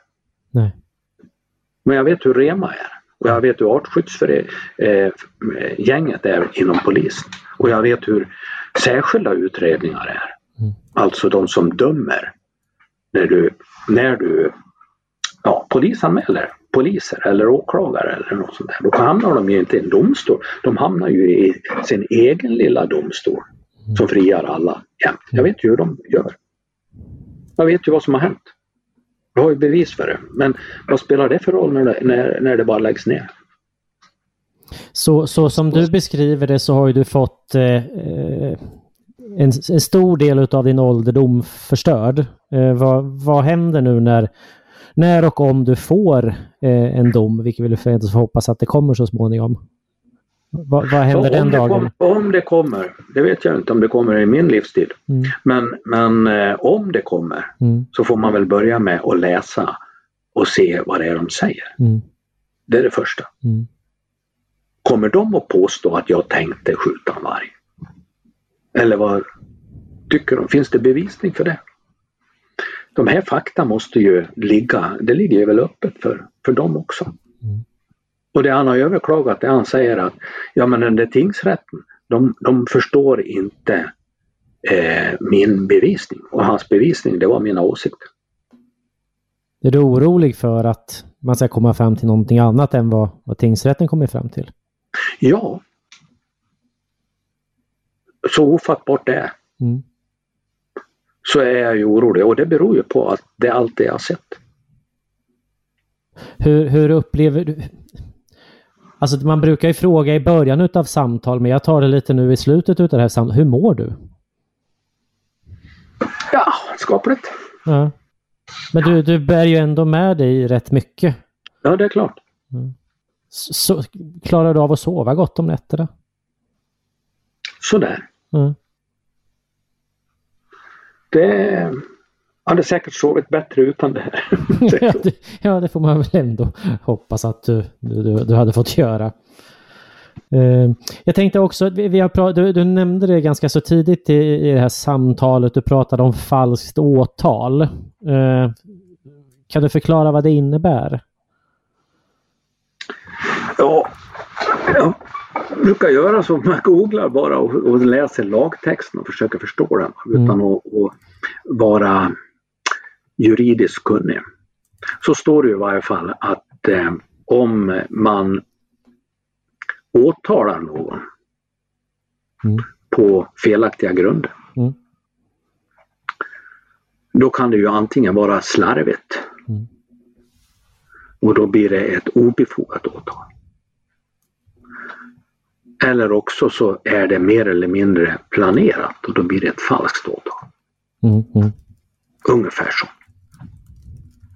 Och vad man, man kommer att bedöma det här. Va? Men, men eh, han har aldrig haft fog för att göra det han eh, har gjort. Du vet, du ska ju ha det ska ju vara väldigt stark bevisning för att du ska få gå till åtal. mm, Det kanske ska vara en sannolikhet över 90 procent i varje fall att det blir en fällande dom. Han ska ju vara övertygad om en fällande dom men, men eh, jag har läst också någon, någon, någon bok som försöker eh, hantera just de här begreppen. Eh, sannolika skäl och så vidare. Vad det egentligen ska kunna kvantifieras till. Och då kan man nog säga det att för att gå till åtal då måste det vara över 90% sannolikhet att det ska bli en fällande dom. mm. Och det finns ju ingenting. Man har hållit på i tre år och hittar ingenting. Därför att det finns ingenting. Du kan inte hitta någonting om någonting som inte har inträffat. Mm. Det är det enkla skälet. Så otroligt med resurser som man har lagt ner på just att hitta någonting. Men man gör inte det för det har inte hänt. Har, du or- har du ork och resurser eh, och lust och vilja att eh, driva någonting om falskt åtal efter detta? Eller tänker du bara... Ja, resurser, gör- resurser har jag.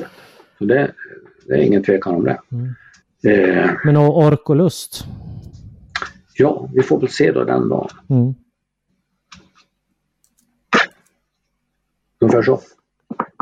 Jag tror att med det så vi tar väl kanske och avslutar detta samtal med, med, med de orden att vi, vi får se. Redan? Det är ju fan bara gått två timmar. ja, precis. Ja, nej, men den här tiden går väldigt fort och det har varit fantastiskt intressant att lyssna till din historia. Och eh, jag tror nog att eh, samtalslyssnare stundtals kommer att eh, eh, undra om det verkligen, verkligen kan vara så här. Eh, och eh, jag har ju följt dig nära eh, under många år. Eh, och det, det kan faktiskt vara så här illa. Eh, så stort tack Karl Hedin för att vi har fått samtalat med dig och eh, ni har alltså lyssnat på podden Samtal som normalt drivs utav Jannik Svensson och idag så har jag Rickard Axdorff från Bondepraktikan eh, hjälpt till. Tack för oss och till nästa gång. Adjö!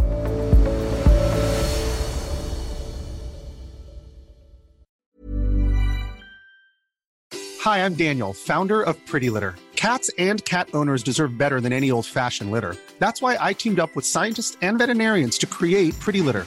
Its innovative crystal formula has superior odor control and weighs up to 80% less than clay litter. Pretty Litter even monitors health by changing colors to help detect early signs of potential illness. It's the world's smartest kitty litter. Go to prettylitter.com and use code ACAST for 20% off your first order and a free cat toy. Terms and conditions apply. See site for details. Planning for your next trip? Elevate your travel style with Quince. Quince has all the jet setting essentials you'll want for your next getaway, like European linen, premium luggage options, buttery soft Italian leather bags, and so much more. And is all priced at 50 to 80% less than similar brands. Plus, Quince only works with factories that use safe and ethical manufacturing practices. Pack your bags with high-quality essentials you'll be wearing for vacations to come with Quince. Go to quince.com/pack for free shipping and 365-day returns. Planning for your next trip? Elevate your travel style with Quince. Quince has all the jet-setting essentials you'll want for your next getaway, like European linen, premium luggage options, buttery soft Italian leather bags, and so much more. And is all priced at 50 to 80% less than similar brands. Plus, Quince only works with factories that use safe and ethical manufacturing practices. Pack your bags with high-quality essentials you'll be wearing for vacations to come with Quince. Go to quince.com/pack for free shipping and 365-day returns.